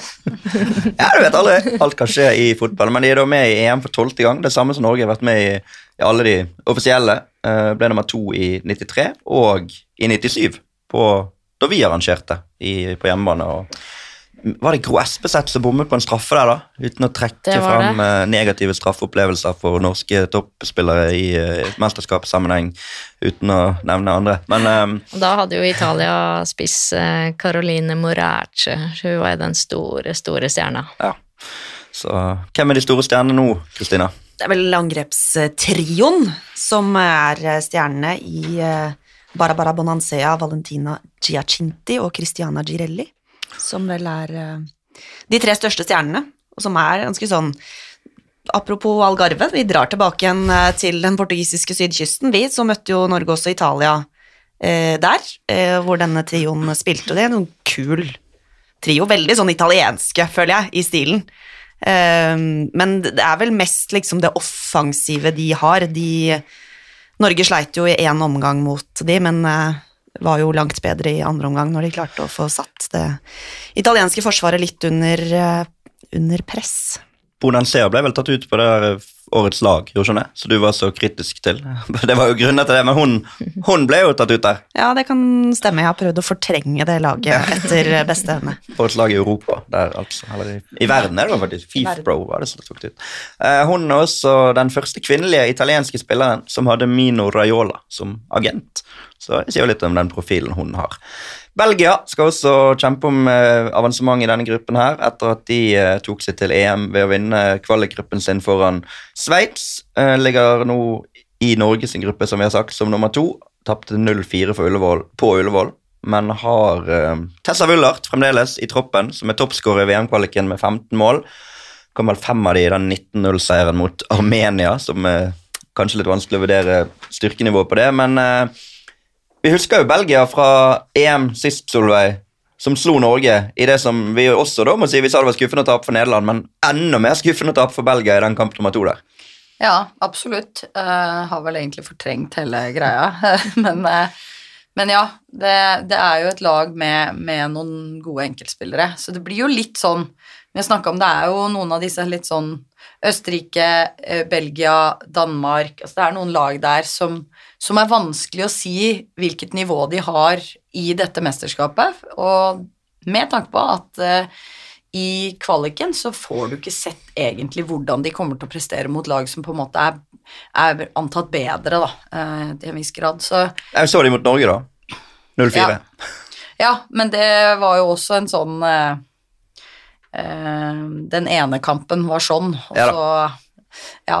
Så det, det er vanskelig å si. Men ja, Norge skal jo være bedre enn type sånne nasjoner. Men her òg er det sånn Italia Jeg vet ikke om eh, hvem av de to, altså Italia og Belgia, um, som på en måte er eh, Selv om Italia skal være dårligere enn Belgia, så er jeg litt sånn Du vet aldri. Vanskelig å, å vite. Det er bare andre gang de er med i et mesterskap. Det var første gang de var med da, for fem år siden, da de slo Norge. Eh, nevnte Wullert. Er det hun som er hovedpersonen fremdeles? Det må jo være det når hun skårer flest mål, men har de andre navn å trekke frem? Ja, hun er vel eh, den på en måte største profilen, og så er det jo hun Janice Cayman som spiller i uh, Lyon. Og så er det jo en gammel uh, toppseriekjenning, Justine van Havermatt, som uh, spiller i Reading i, i Women's Super League nå, og har vært veldig god der, ut ifra det jeg har hørt og lest. Ikke sett henne så mye, men spilt seg ganske inn på laget der fast og prestert veldig godt, fått mye rosende ord. Men ble hun årets spiller i Reading? Nei, For det ble Amalie Eikeland. Yes, det var viktig å få med. Eh, det var vel etter din tid som trener i LSK at hun var der, vel? Nei, Nei, det, Det var var når du var der. Mm, Ja, ok. det var det. Hva, kan du si litt mer om hun da, enn bare at hun er en god spiller og har hatt en god sesong Hun er jo en ekstrem ballspiller. Eh, godt blikk, god pasningsfot eh, og jobber hardt. Minuset hennes er jo fart. Det med å Når man har blitt forbigått. Men eh, offensivt og det å kontrollere kamp og sånn med ball, det er, da er jeg god. Så hun er en vi gleder oss til å se i dette mesterskapet. Og så er det siste laget i denne gruppen, som jeg har fått inside info fra folk som har vært på Island på studietur, at de har store ambisjoner om dette mesterskapet. Har stor tro på egne ferdigheter. Island ble nummer to i kvalikgruppen sin, bak Sverige. Nest beste to har kommet seg derfor direkte til mesterskapet, og leder nå VM-kvalifiseringsgruppen sin foran Nederland, som er regnet som en av gullkandidatene her. De har riktignok tapt mot Nederland, men Nederland har avgitt poeng i to kamper mot Tsjekkia, av alle ting. Så Nederland og Island skal møtes eh, til høsten om egentlig direkte kvalifisering til det mesterskapet. Har eh, de siste årene virkelig gjort seg bemerket på herresiden. Kom til to mesterskap og ble trukket frem som askeladder i egentlig verdensfotball på herresiden. Og har da ambisjoner. Kristina, Island, har du også troen på at de kan snike seg med her? De er nummer 18 på Fifa-rankingen, for å nevne det. Ja, øh, man må jo fortsette å la seg fascinere av hva de får til eh, av fotball oppe på den øya der med på en måte så få mennesker. Og hvis du ser på, den, øh, på en måte hvor de er spredt rundt omkring, disse spillerne i den troppen, så er det jo liksom Sverige, USA, Tyskland, England, Frankrike, de spiller jo i, i gode ligaer, og så er det noen som også spiller hjemme på, på Island. Men Breidablikk spilte jo Champions League-gruppespill denne sesongen. Eh, et av da ja, 16 lag da, som spilte Champions League-gruppespill. Det er en ganske stor eh, prestasjon, det òg. Så jeg har liksom ikke sett det islandske landslaget så mye til at jeg vet eh, så mye om hva de kan, kan gjøre. Men eh, hvis de har ambisjoner, så veit vi jo at ambisjoner ofte funker på, på Island, det. Endte sist i gruppen EM for fem år siden, men har vært med tre ganger tidligere. Tok seg til kvartfinale da i eh, 13 i Solveig Gulbrandsens eh, store mesterskap i Sverige. Et av de aller beste mesterskapene norsk fotballspiller noensinne har levert fra Solveig den gangen. Ehm, hva tenker du når du hører Island, Hege? Du har Jeg tenker mentalitet, ja. Mm. Hard jobbing over tid eh, er aldri feil. Um, og dem, litt sånn som du sier, da, de har jo alltid hatt spillere, altså gode spillere ute i store lag som har prestert. Så jeg heier litt på Island, jeg. Heier du litt på Island? Eh, jeg har hatt litt mye fighter med hun midtbanespilleren der. Eh, hva heter hun igjen? Sara Bjørk Gunnarsdottir. Så jeg heier ikke så veldig mye på dem, egentlig. Men, men det er et, litt sånn Attituden deres og sånn heier jeg litt på. Det er, eh, de er ikke mye folk, men de får til mye bra, og det er litt kult. Og så Um, er jo det her en gruppe hvor det virkelig er muligheter for én litt sånn underdog å ta en plass. Så så her tror jeg de fleste, både Italia, Island og Belgia, ser sin mulighet da, til å komme seg videre. Og da kommer du til en kvart, så er jo mye muligheter. Eh, Da er det, da er det cupspill. Eh, og, og da er ikke Island så gøy å møte. Er det Sara Bjørk som er den store profilen? Ja, det er jo eh, det. Er jo det. det er jo hun man eh, på en måte Det største navnet. Spiller i Lyon. Eh, fødte jo en sønn i november 2021 eh, og var tilbake igjen på banen i løpet av seks måneder etter, etter fødsel, eh, men har vel ikke spilt sånn voldsomt mye i Lyon i den eh, sesongavslutningen nå, så det er jo sikkert litt eh, spenning rundt eh, ja, hvor, hvor god fotballform hun er inn mot, mot mesterskapet. Men en annen som har gjort seg bemerka, er jo Sveindis Jonsdottir i Wolfsburg. Er vel bare 18 eller 19 eh, år gammel. Jeg tror hun er litt eldre. Ja, det er bare jeg som er føler bare ser du så som ung er- ut, da. Ja, jeg tror hun er 20, 21. Ja. Ung i hvert fall. Eh, veldig sånn kvikk, eh, altså rask eh, kantspiller, som har vært veldig, veldig god i, i Wolfsburg denne sesongen. Eh, og så er det jo mange toppseriekjenninger her òg, da. Mm. Både Vålinga og Brann og Svava Ros Gudmundsdottir og Berglin Bjørg Torvaldsdottir i Brann. Og så har vi eh, hva heter hun i Vålerenga? Ingebjørg Sigurdardottir og Rosenvåg Selma Sol Magnusdottir. Så det, det er deilig å si navnet til sendingene. Uh, Hallberg Gudny Gisladottir, jeg vet ikke om hun kom med i gruppetroppen. Jo da, det er jo hun, hun skapte kaos under EM i 2013 da hun lot som om hun skylte ned en gullfisk i toalettet. Fikk eh, dyrevernsorganisasjoner over hele Sverige på nakken, men så viste det seg at det var bare en spøk. Sigurd Vind hadde ikke blitt kastet ned i do og drept fordi Island tapte en kamp under EM. Da er vi gjennom gruppene. Vi skal spå viderespillet og har nå et eh, turneringstre klart. Jeg er Maria Thorsdatter, og du hører nå på TV 2 sin EM-podkast. Der var jeg litt for kjapp, for vi har ikke rangert gruppene. Uh, og her er jo det faktisk uh, mulighet at det kan bli litt uenighet. Så uh, da begynner vi med gjesten Hege. Vær så god. Jeg har fortsatt Frankrike som gruppevinner her. Og så har jeg Island som en utfordrer på andreplass. Hvem de to andre Belgia og Italia. Kristina? Eh, Frankrike på topp. Dette skal heller ikke Frankrike klare å rote bort, tenker jeg. Um, men det er, det er jo den gruppa hvor det er mest åpent, kanskje, om eh, andreplassen. Um, skal man ta det litt med Hva skal jeg si? Holdt jeg på å si med hjertet? Jeg hadde lyst, lyst på Island der, jeg òg. Foran Italia og Belgia. Solveig, med ditt hjerte blir det da Island sist? Ja, Italia òg er litt sånn var ikke så glad i å spille mot, så det er flere her. Men uh, jeg har, har liksom litt, litt sånn lyst på at Italia skal gjøre det bra. Uh, men jeg, jeg tror de ikke helt er der ennå. Jeg tror ikke de har stumpa røyken helt ennå. Jeg tror de ikke holder 90 minutter bestandig. Så det, det er litt sånn Så flertallet her, Island, den er grei. Da blir det Island, og så eh, setter vi Italia som nummer tre, Belgia som nummer fire, men åpner for at her kan det bli hvem som helst egentlig av disse andre enn Frankrike som står følger videre. Og da kan vi ta en liten pause før eh, sluttspillet. Hei, jeg heter Vilde Bø Risa, og nå hører du på TV 2s EM-podkast.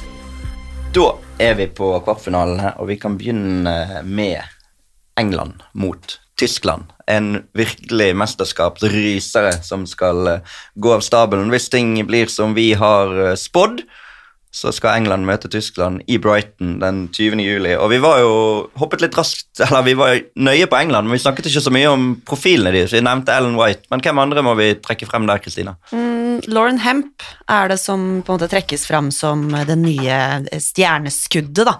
Eh, levert kjempegodt for Manchester City, og Ellen White har vel sagt at det er en av de spillerne hun liker best å, å spille sammen med, at de har så god eh, kjemi og relasjon, da.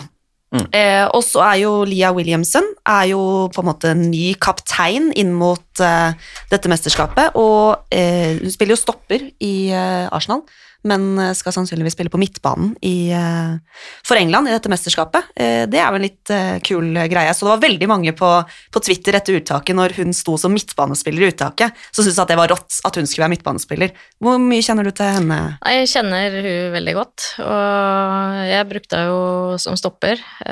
For da, i OL, så hadde jeg også Caroline Weir og de skotske og sånn. Men jeg vil jo trekke fram også Keira Walsh som en av de sentrale midtbanespillerne til eh, England. Som eh, jeg syns er utrolig god, og står bak veldig mye av det offensive spillet deres. Step Houghton er jo ikke med. Eh, Hun har vært skadet og vært markant i det laget lenge. Hva vil du si det betyr for den troppen og det laget? Jeg tror ikke nå at det betyr så mye. Hun har jo sakte, men sikkert eh, av skadeproblematikk liksom fada litt ut av det laget. Og nå tror jeg det er viktig med ny energi inn, og det Lia eh, drar jo det inn. Hun er en fantastisk person. Så det å være en god kaptein for England nå tror jeg blir eh, viktig. Og siste vi bare må innom Fran Kirby, som har vært uh, Det har vært mye rundt Fran Kirby, men hun er i troppen. Hun er i troppen.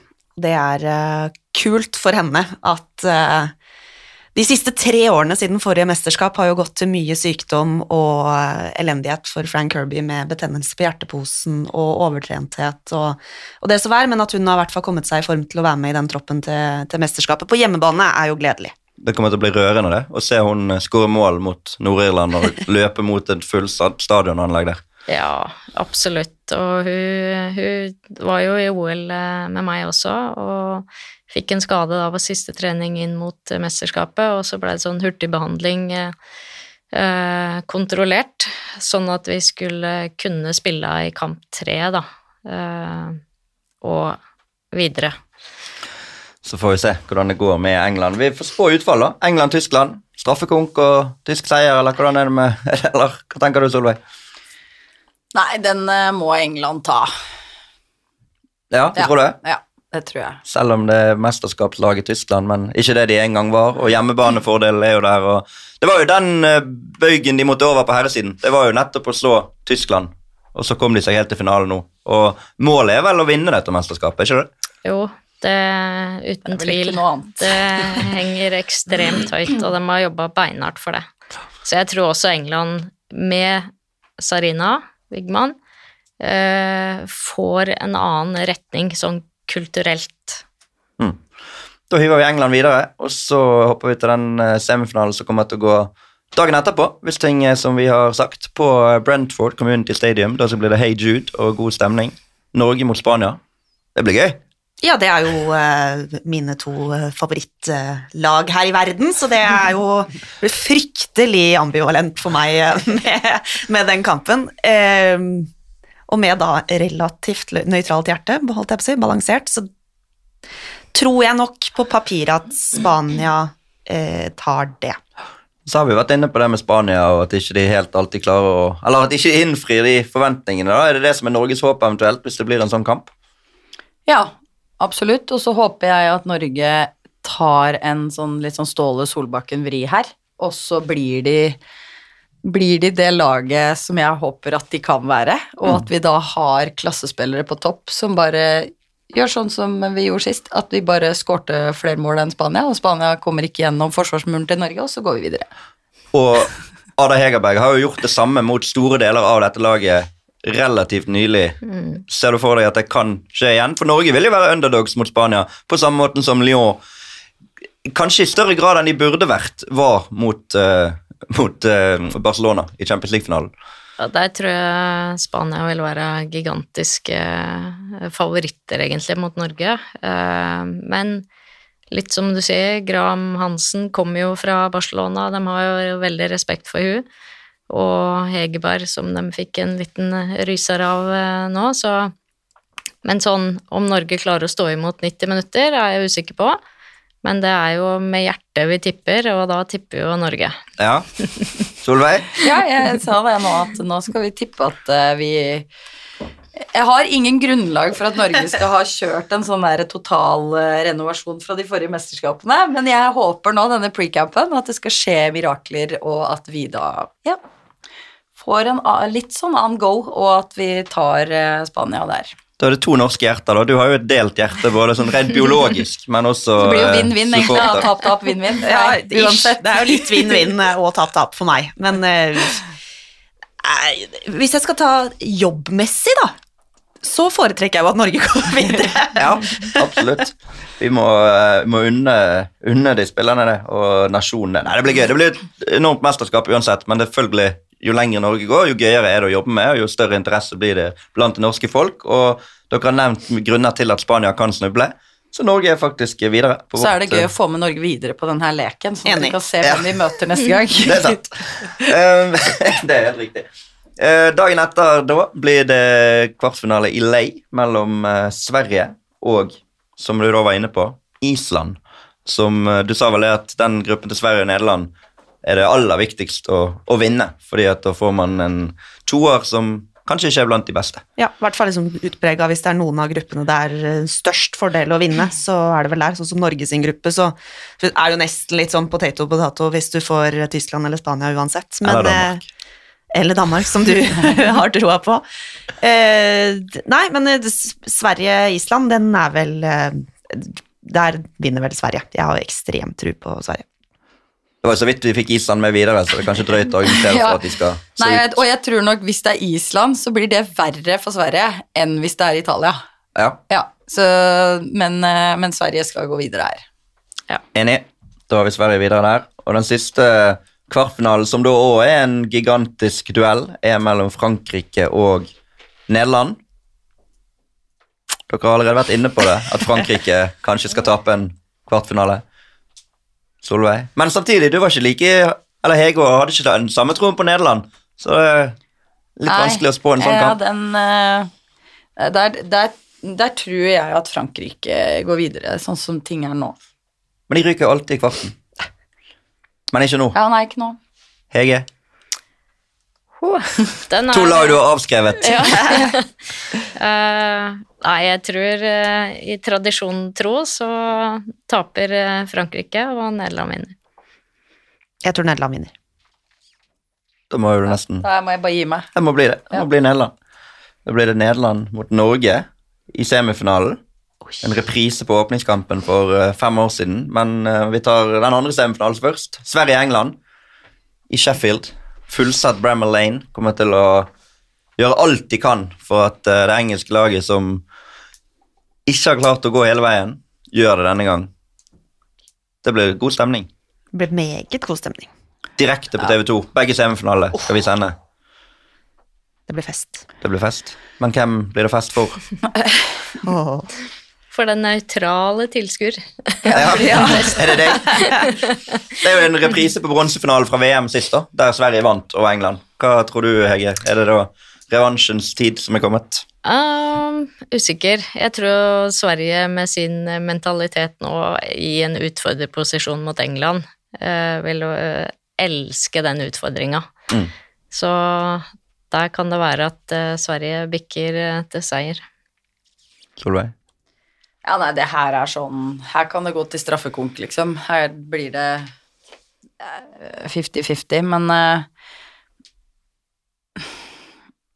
Sverige har ja, eh, hvis, vi skal ta, hvis vi setter de to lagene på papiret, da, hva tenker vi sånn eh, Hvem er best på papiret? Er dette, er dette de to største gullfavorittene? Vil du si det? ja, jeg, jeg ville For meg så er det det. Ja, jeg tror det. Mm. Ja. Og da er det vanskelig å si hvem skal vinne i en semifinale. Må du skjære gjennom her, Kristina? Jeg? Jeg skjærer igjennom? Nei, det er skikkelig eh, vanskelig. Jeg også tror det der med at eh, Sverige vil elske den anledningen og eh, vokse på det.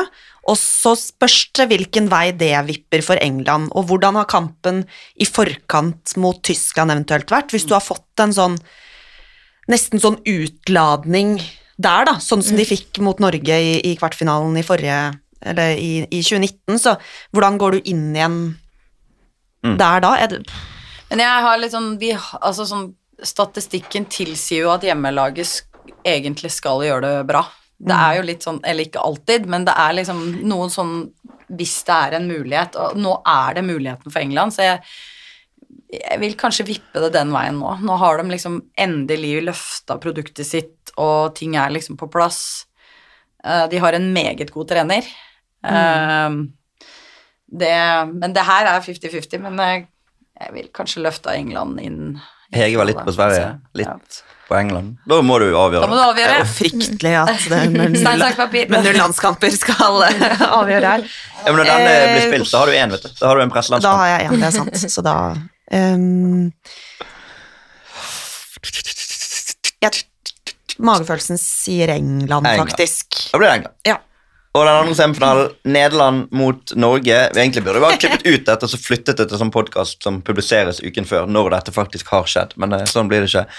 Nederland-Norge er i så fall en reprise av ganske mange kamper som har vært spilt de siste årene. Altså Én ting er åpningskampen, 2017, nedtur for Norge. Men så fikk jo Norge en kjempeopptur i kvaliken til forrige mesterskap, da de klarte å slå Nederland i den avgjørende kampen eh, som tok Norge til VM i Frankrike. Og så fikk jeg en enorm nesestyver i fjor sommer. Treningskamp 0-7. Så det er mange ting å dra paralleller til hvis dette skulle nå bli et scenario. Men hvordan ser du for deg Hvis Norge da har klart å komme seg over Spania, forbi Spania, og du allerede har sagt at Nederland ikke er det de var, skal du være sånn superoptimist nå som du egentlig ikke er? Eller? Ja, ja. Nå skal jeg være det. Nei, fordi hvis vi har kommet dit, så har vi skjønt noe. Ja. Ja. Ja, da har vi gjort noen grep, og vi kanskje spiller en 3-5-backs-linje og har liksom klekt en kode her, fordi vi klarte det mot Spania. Da kan vi klare det mot Nederland også, og Nederland er ikke i nærheten av det de Altså sånn De har noen klassespillere, men de har ikke den samme på en måte bredden sånn som forsvarsspillerne Vi kan skape trøbbel for dem. Mm. Ehm, så den her uh, syns jeg også, av de vi kunne møtt i en semifinale, så er dette muligheten. Er du enig? Ja, og hvis vi Denne kampen hvor Norge vinner, da, så dominerer jo Nederland banespillet, men da er, da er vi jo gode forsvarsmessig. Og den Når vi taper 7-0, så Altså, da var jo ikke de beste med. Det var litt sånn eh, Ja. Vi gikk utpå og spilte en kamp. Ja. Eller vi spilte ikke, vi Nei. gikk utpå. Um, så jeg, jeg tror også at uh, da har vi Da er vi i en posisjon til å, å matche Nederland og slå dem. vet at De som skal lage sånn nettsaker basert på denne podkasten, kommer til å trekke frem sånn Spår sjokkfinale for Norge. Nei, det må bli noe sånn Slik kan Norge nå Ja. EM-finale. Ja. For det er jo det jeg hører nå, at vi kanskje kommer til å ende Ja, for nå har vi, vi har jo lagt nå et premiss på at Norge eh, knekker en kode. Ja, ja. Ikke sant? Altså, Det er sånn, premisset. for det er jo det, denne semifinalen må jo tas med utgangspunkt i at man har knekt en kode og slått Spania først. Ja, for det har og da vi er alt mulig. Ja, og det har vi ikke gjort i de to forrige mesterskapene. Og da tenker jeg at nå har de trenerteamet her vært med på det, og nå har de sett at ok, de helt avgjørende kampene hvor vi må vinne for å gå videre i en kvartfinale, eller gå videre fra gruppespillet, så er det noe du må du må knekke en kode på noe med laget ditt. Hva er det laget ditt trenger for å klare dette? Og det er jo det du må på en måte få på plass, og det har de litt tid til nå i precamp, og så må vi håpe at det, det skjer. Ja. Så da, da spør jeg deg, da. Ut ifra at disse tingene oppfylles, da kommer Norge til EM-finalen? Hvis dette og vi har Eller si det sånn, skadefri tropp ja, Ja. Nei, altså skadefri tropp Denne trekninga er Denne veien er en mulighet for oss hvis dette skjer. Men All, alle ting som Men ja, hvis vi møter Nederland eh, i en semifinale, så gir det muligheter, tenker jeg. Eh, hadde vi møtt England eller Sverige? Nei. England kan vi jo ikke møte. Nei, nei, men så det er liksom Det her handler jo om at vi finner en vei nå for at Norge skal lykkes. Og ja, det handler om at vi knekker en kode. Vi må ha et solid forsvarsspill, og vi må ha kontringsstyrke. Det tror jeg er det vi er avhengig av. Og så må vi klare å ha et spill også mot de nasjonene hvor vi må klare å bevare ballen og Ja. Men, eh, men det her er jo den mulige veien. Eh, For å komme til finale. Men eh, som jeg har sagt, det er, ingen, det er ingenting per nå som har tyda på den siste kampen vi så mot Polen ga meg ingen eh, tro på at dette er mulig, men jeg vet hva de norske spillerne står for, jeg vet hva kulturen er eh, til stede, og noen har vært med på det før. Mm. Så, og da er alt mulig. Så det er lov, det er lov å håpe. Det er lov å håpe. Og så er det jo i et, et mesterskap så er det jo defensiv trygghet som er nøkkelen. Og det, det blir det jo her også. Og det, hvis vi spår at vi møter Spania, da, så blir jo det en nøkkelkamp i forsvarsspill og kontringsspill. Men da spår vi de over Nederland-Hinder òg, da? Er det sånn jeg tolker det? Vi sender Norge til EM-finale. det er deilig. Det hadde jeg ikke trodd når jeg satte meg ned i den stolen her for uh, en time siden. Nei, ja, men det gjør vi, og det betyr 31. juli, London, Wembley Stadium, 90 000, Norge-England. På Uefa sine hjemmesider så står det It aims to be the biggest European women's sport event in history om selve mesterskapet. Og en sånn finale vil jo bli en enorm, et enormt statement, da. Både uavhengig om Norge er der, men særlig om det blir England på hjemmebane. I lys av det vi har sett i Barcelona i Champions League, i andre land som har mobilisert, til og med i Norge, med både på stadion og på Lerkendal. Det kommer til å være helt enormt å være med på. Ja. Det, ja, altså hvis vi sier det er Norge England Nei, det blir jo, Ja, altså, ja, jeg- det blir jo sinnssykt. Så. jeg satt på kamp nå med 91 000, den første rekordkampen, og bare det står et norskt menneske ute på gresset på kamp nå, liksom. Og hvis du da skulle hatt elleve norske pluss eh, på benken eh, på Wembley Nei, eh, begynner nesten å grine litt her jeg sitter. Da må du få det kom deg over, Hege. Du sa du ikke hadde Du skulle ikke på mesterskapet sånn egentlig, for dere har U19-EM som krasjer litt. Men uh, hvis dette blir tilfellet, da, da kommer du Da til å tror være jeg med sånn hele Norge BBC-studio. flyr inn eh, ja. Det kan skje. Absolutt, det kan skje. Det hadde vært gøy. Sannsynligheten er Jeg vet ikke hva oddsen Nei. ligger på, men, eh, men det er jo viktig. Det jeg håper liksom kanskje at eh, Ja, at eh, nå hadde jeg min sånn positive dag, da, så vi får ta vare på den. Ja, ja. ja, men Da kan vi vise til at jo, men Hvis noen sier at Solveig er alltid så negativ og så, Ja, men hør på podkasten! Hun slår Spania, vi Vi slår tipper, jeg. her tipper vi jo litt med hjertet. Ja da, det- Selvfølgelig, vi håper jo at Norge skal nå langt. Hadde vi tippa om én million her nå, så hadde vi kanskje Tippa Ja. litt annerledes, ja. tippa litt. Men, men det er jo ikke sånn at uh, Altså Det er større sjanse for at Norge gjør dette enn at Norges herrelandslag vinner EM i Tyskland. Altså Vi håper på at de kommer med, men det er ikke sånn at Det, det må jo det være. Eller selv om Ja. Norge er bra. Det, det mener jeg faktisk. Altså her er det Det er mindre forskjeller eh, mellom eh, mellom sånn som Spania og Norge og Nederland og Norge eh, i en mesterskapskamp, i en enkeltkamp. Det er ikke noe hjemme borte, det er én kamp, så Så det det er eh, muligheter. Og vi har eh, jo tradisjonene. Og som du sa, 2013 da dere kom til finale, du hadde vel booket sydentur? ja, ja. Så du Eh, var jo ikke klar for det. Skulle jo på ferie. jeg. Ja, Så, så, så, så det å si at Norge kan komme til en EM-finale, er ikke helt urealistisk.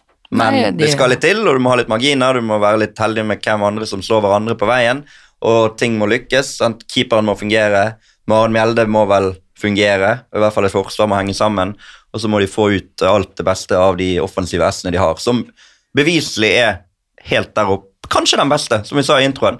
Kanskje den beste angrepstrioen i EM. Jeg er i hvert fall oppe og nikker. Jo, men, Ja, men det, det må de jo bevise sjøl. Ja, jo da, men potensielt i hvert fall, da. Potensielt så Ja. kan det være det, men, men det, det har jo ikke vært det. Nei. Det har jo ikke vært det. Det har jo ikke vært det i nærheten heller. I de for, når de tre spilte sammen sist uh, mesterskap, så var det jo ikke i nærheten. Nei. Så Litt realisme må man ha. Jeg sier Ja, ikke det. Men ja, det- skal vi spå en vinner her, da? England-Norge i finalen? ja, da, da vinner England. Ok.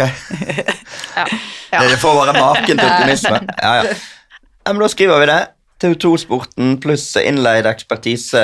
Det går ikke an å få bedre ekspertise når det er snakk om EM i England og Norge sine vei. Og, altså, etter, uansett hvilket felt man skulle bedt om ekspertise på, så tror jeg ikke du kunne fått noe Kanskje Knut Jørgen Røde Ødegård på sånn astronomi.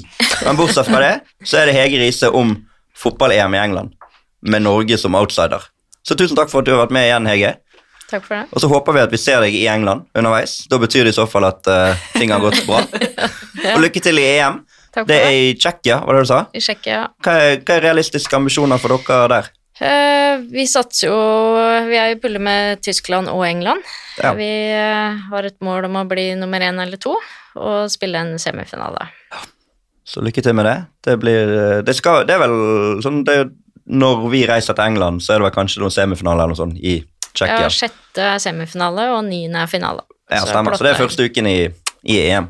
Så vi får med oss det der borte fra. Tusen takk for at du har vært med, Kristina. Takk for det. Vi kommer jo sterkere tilbake. Vi skal jo holde denne podkasten gående underveis litt, i hvert fall. Se hvor mye det blir, men prøve litt med jevne og ujevne mellomrom. Og tusen takk til deg, Solveig. Du skal reise litt rundt og kommentere. Du skal ikke bare ha Norge sine kamper. Nei, jeg skal ha litt andre kamper òg. Så det blir veldig gøy. Og det blir et stort mesterskap, uavhengig av hvordan det går med Norge. Så er England klare for å mobilisere, og vi gleder oss voldsomt.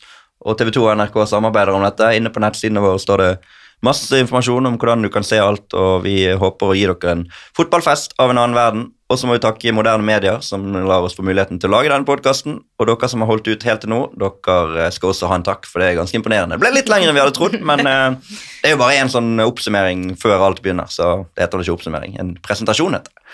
Takk for oss. Runde, der da! Der! Ikke der, men der! Og så er det Guro Reiten som er på returen. Ja, det er veldig, veldig bra gjort. Målet! Ah, ah, ah! Så kom skåringen! Det er jo absolutt praktfullt! Moderne media.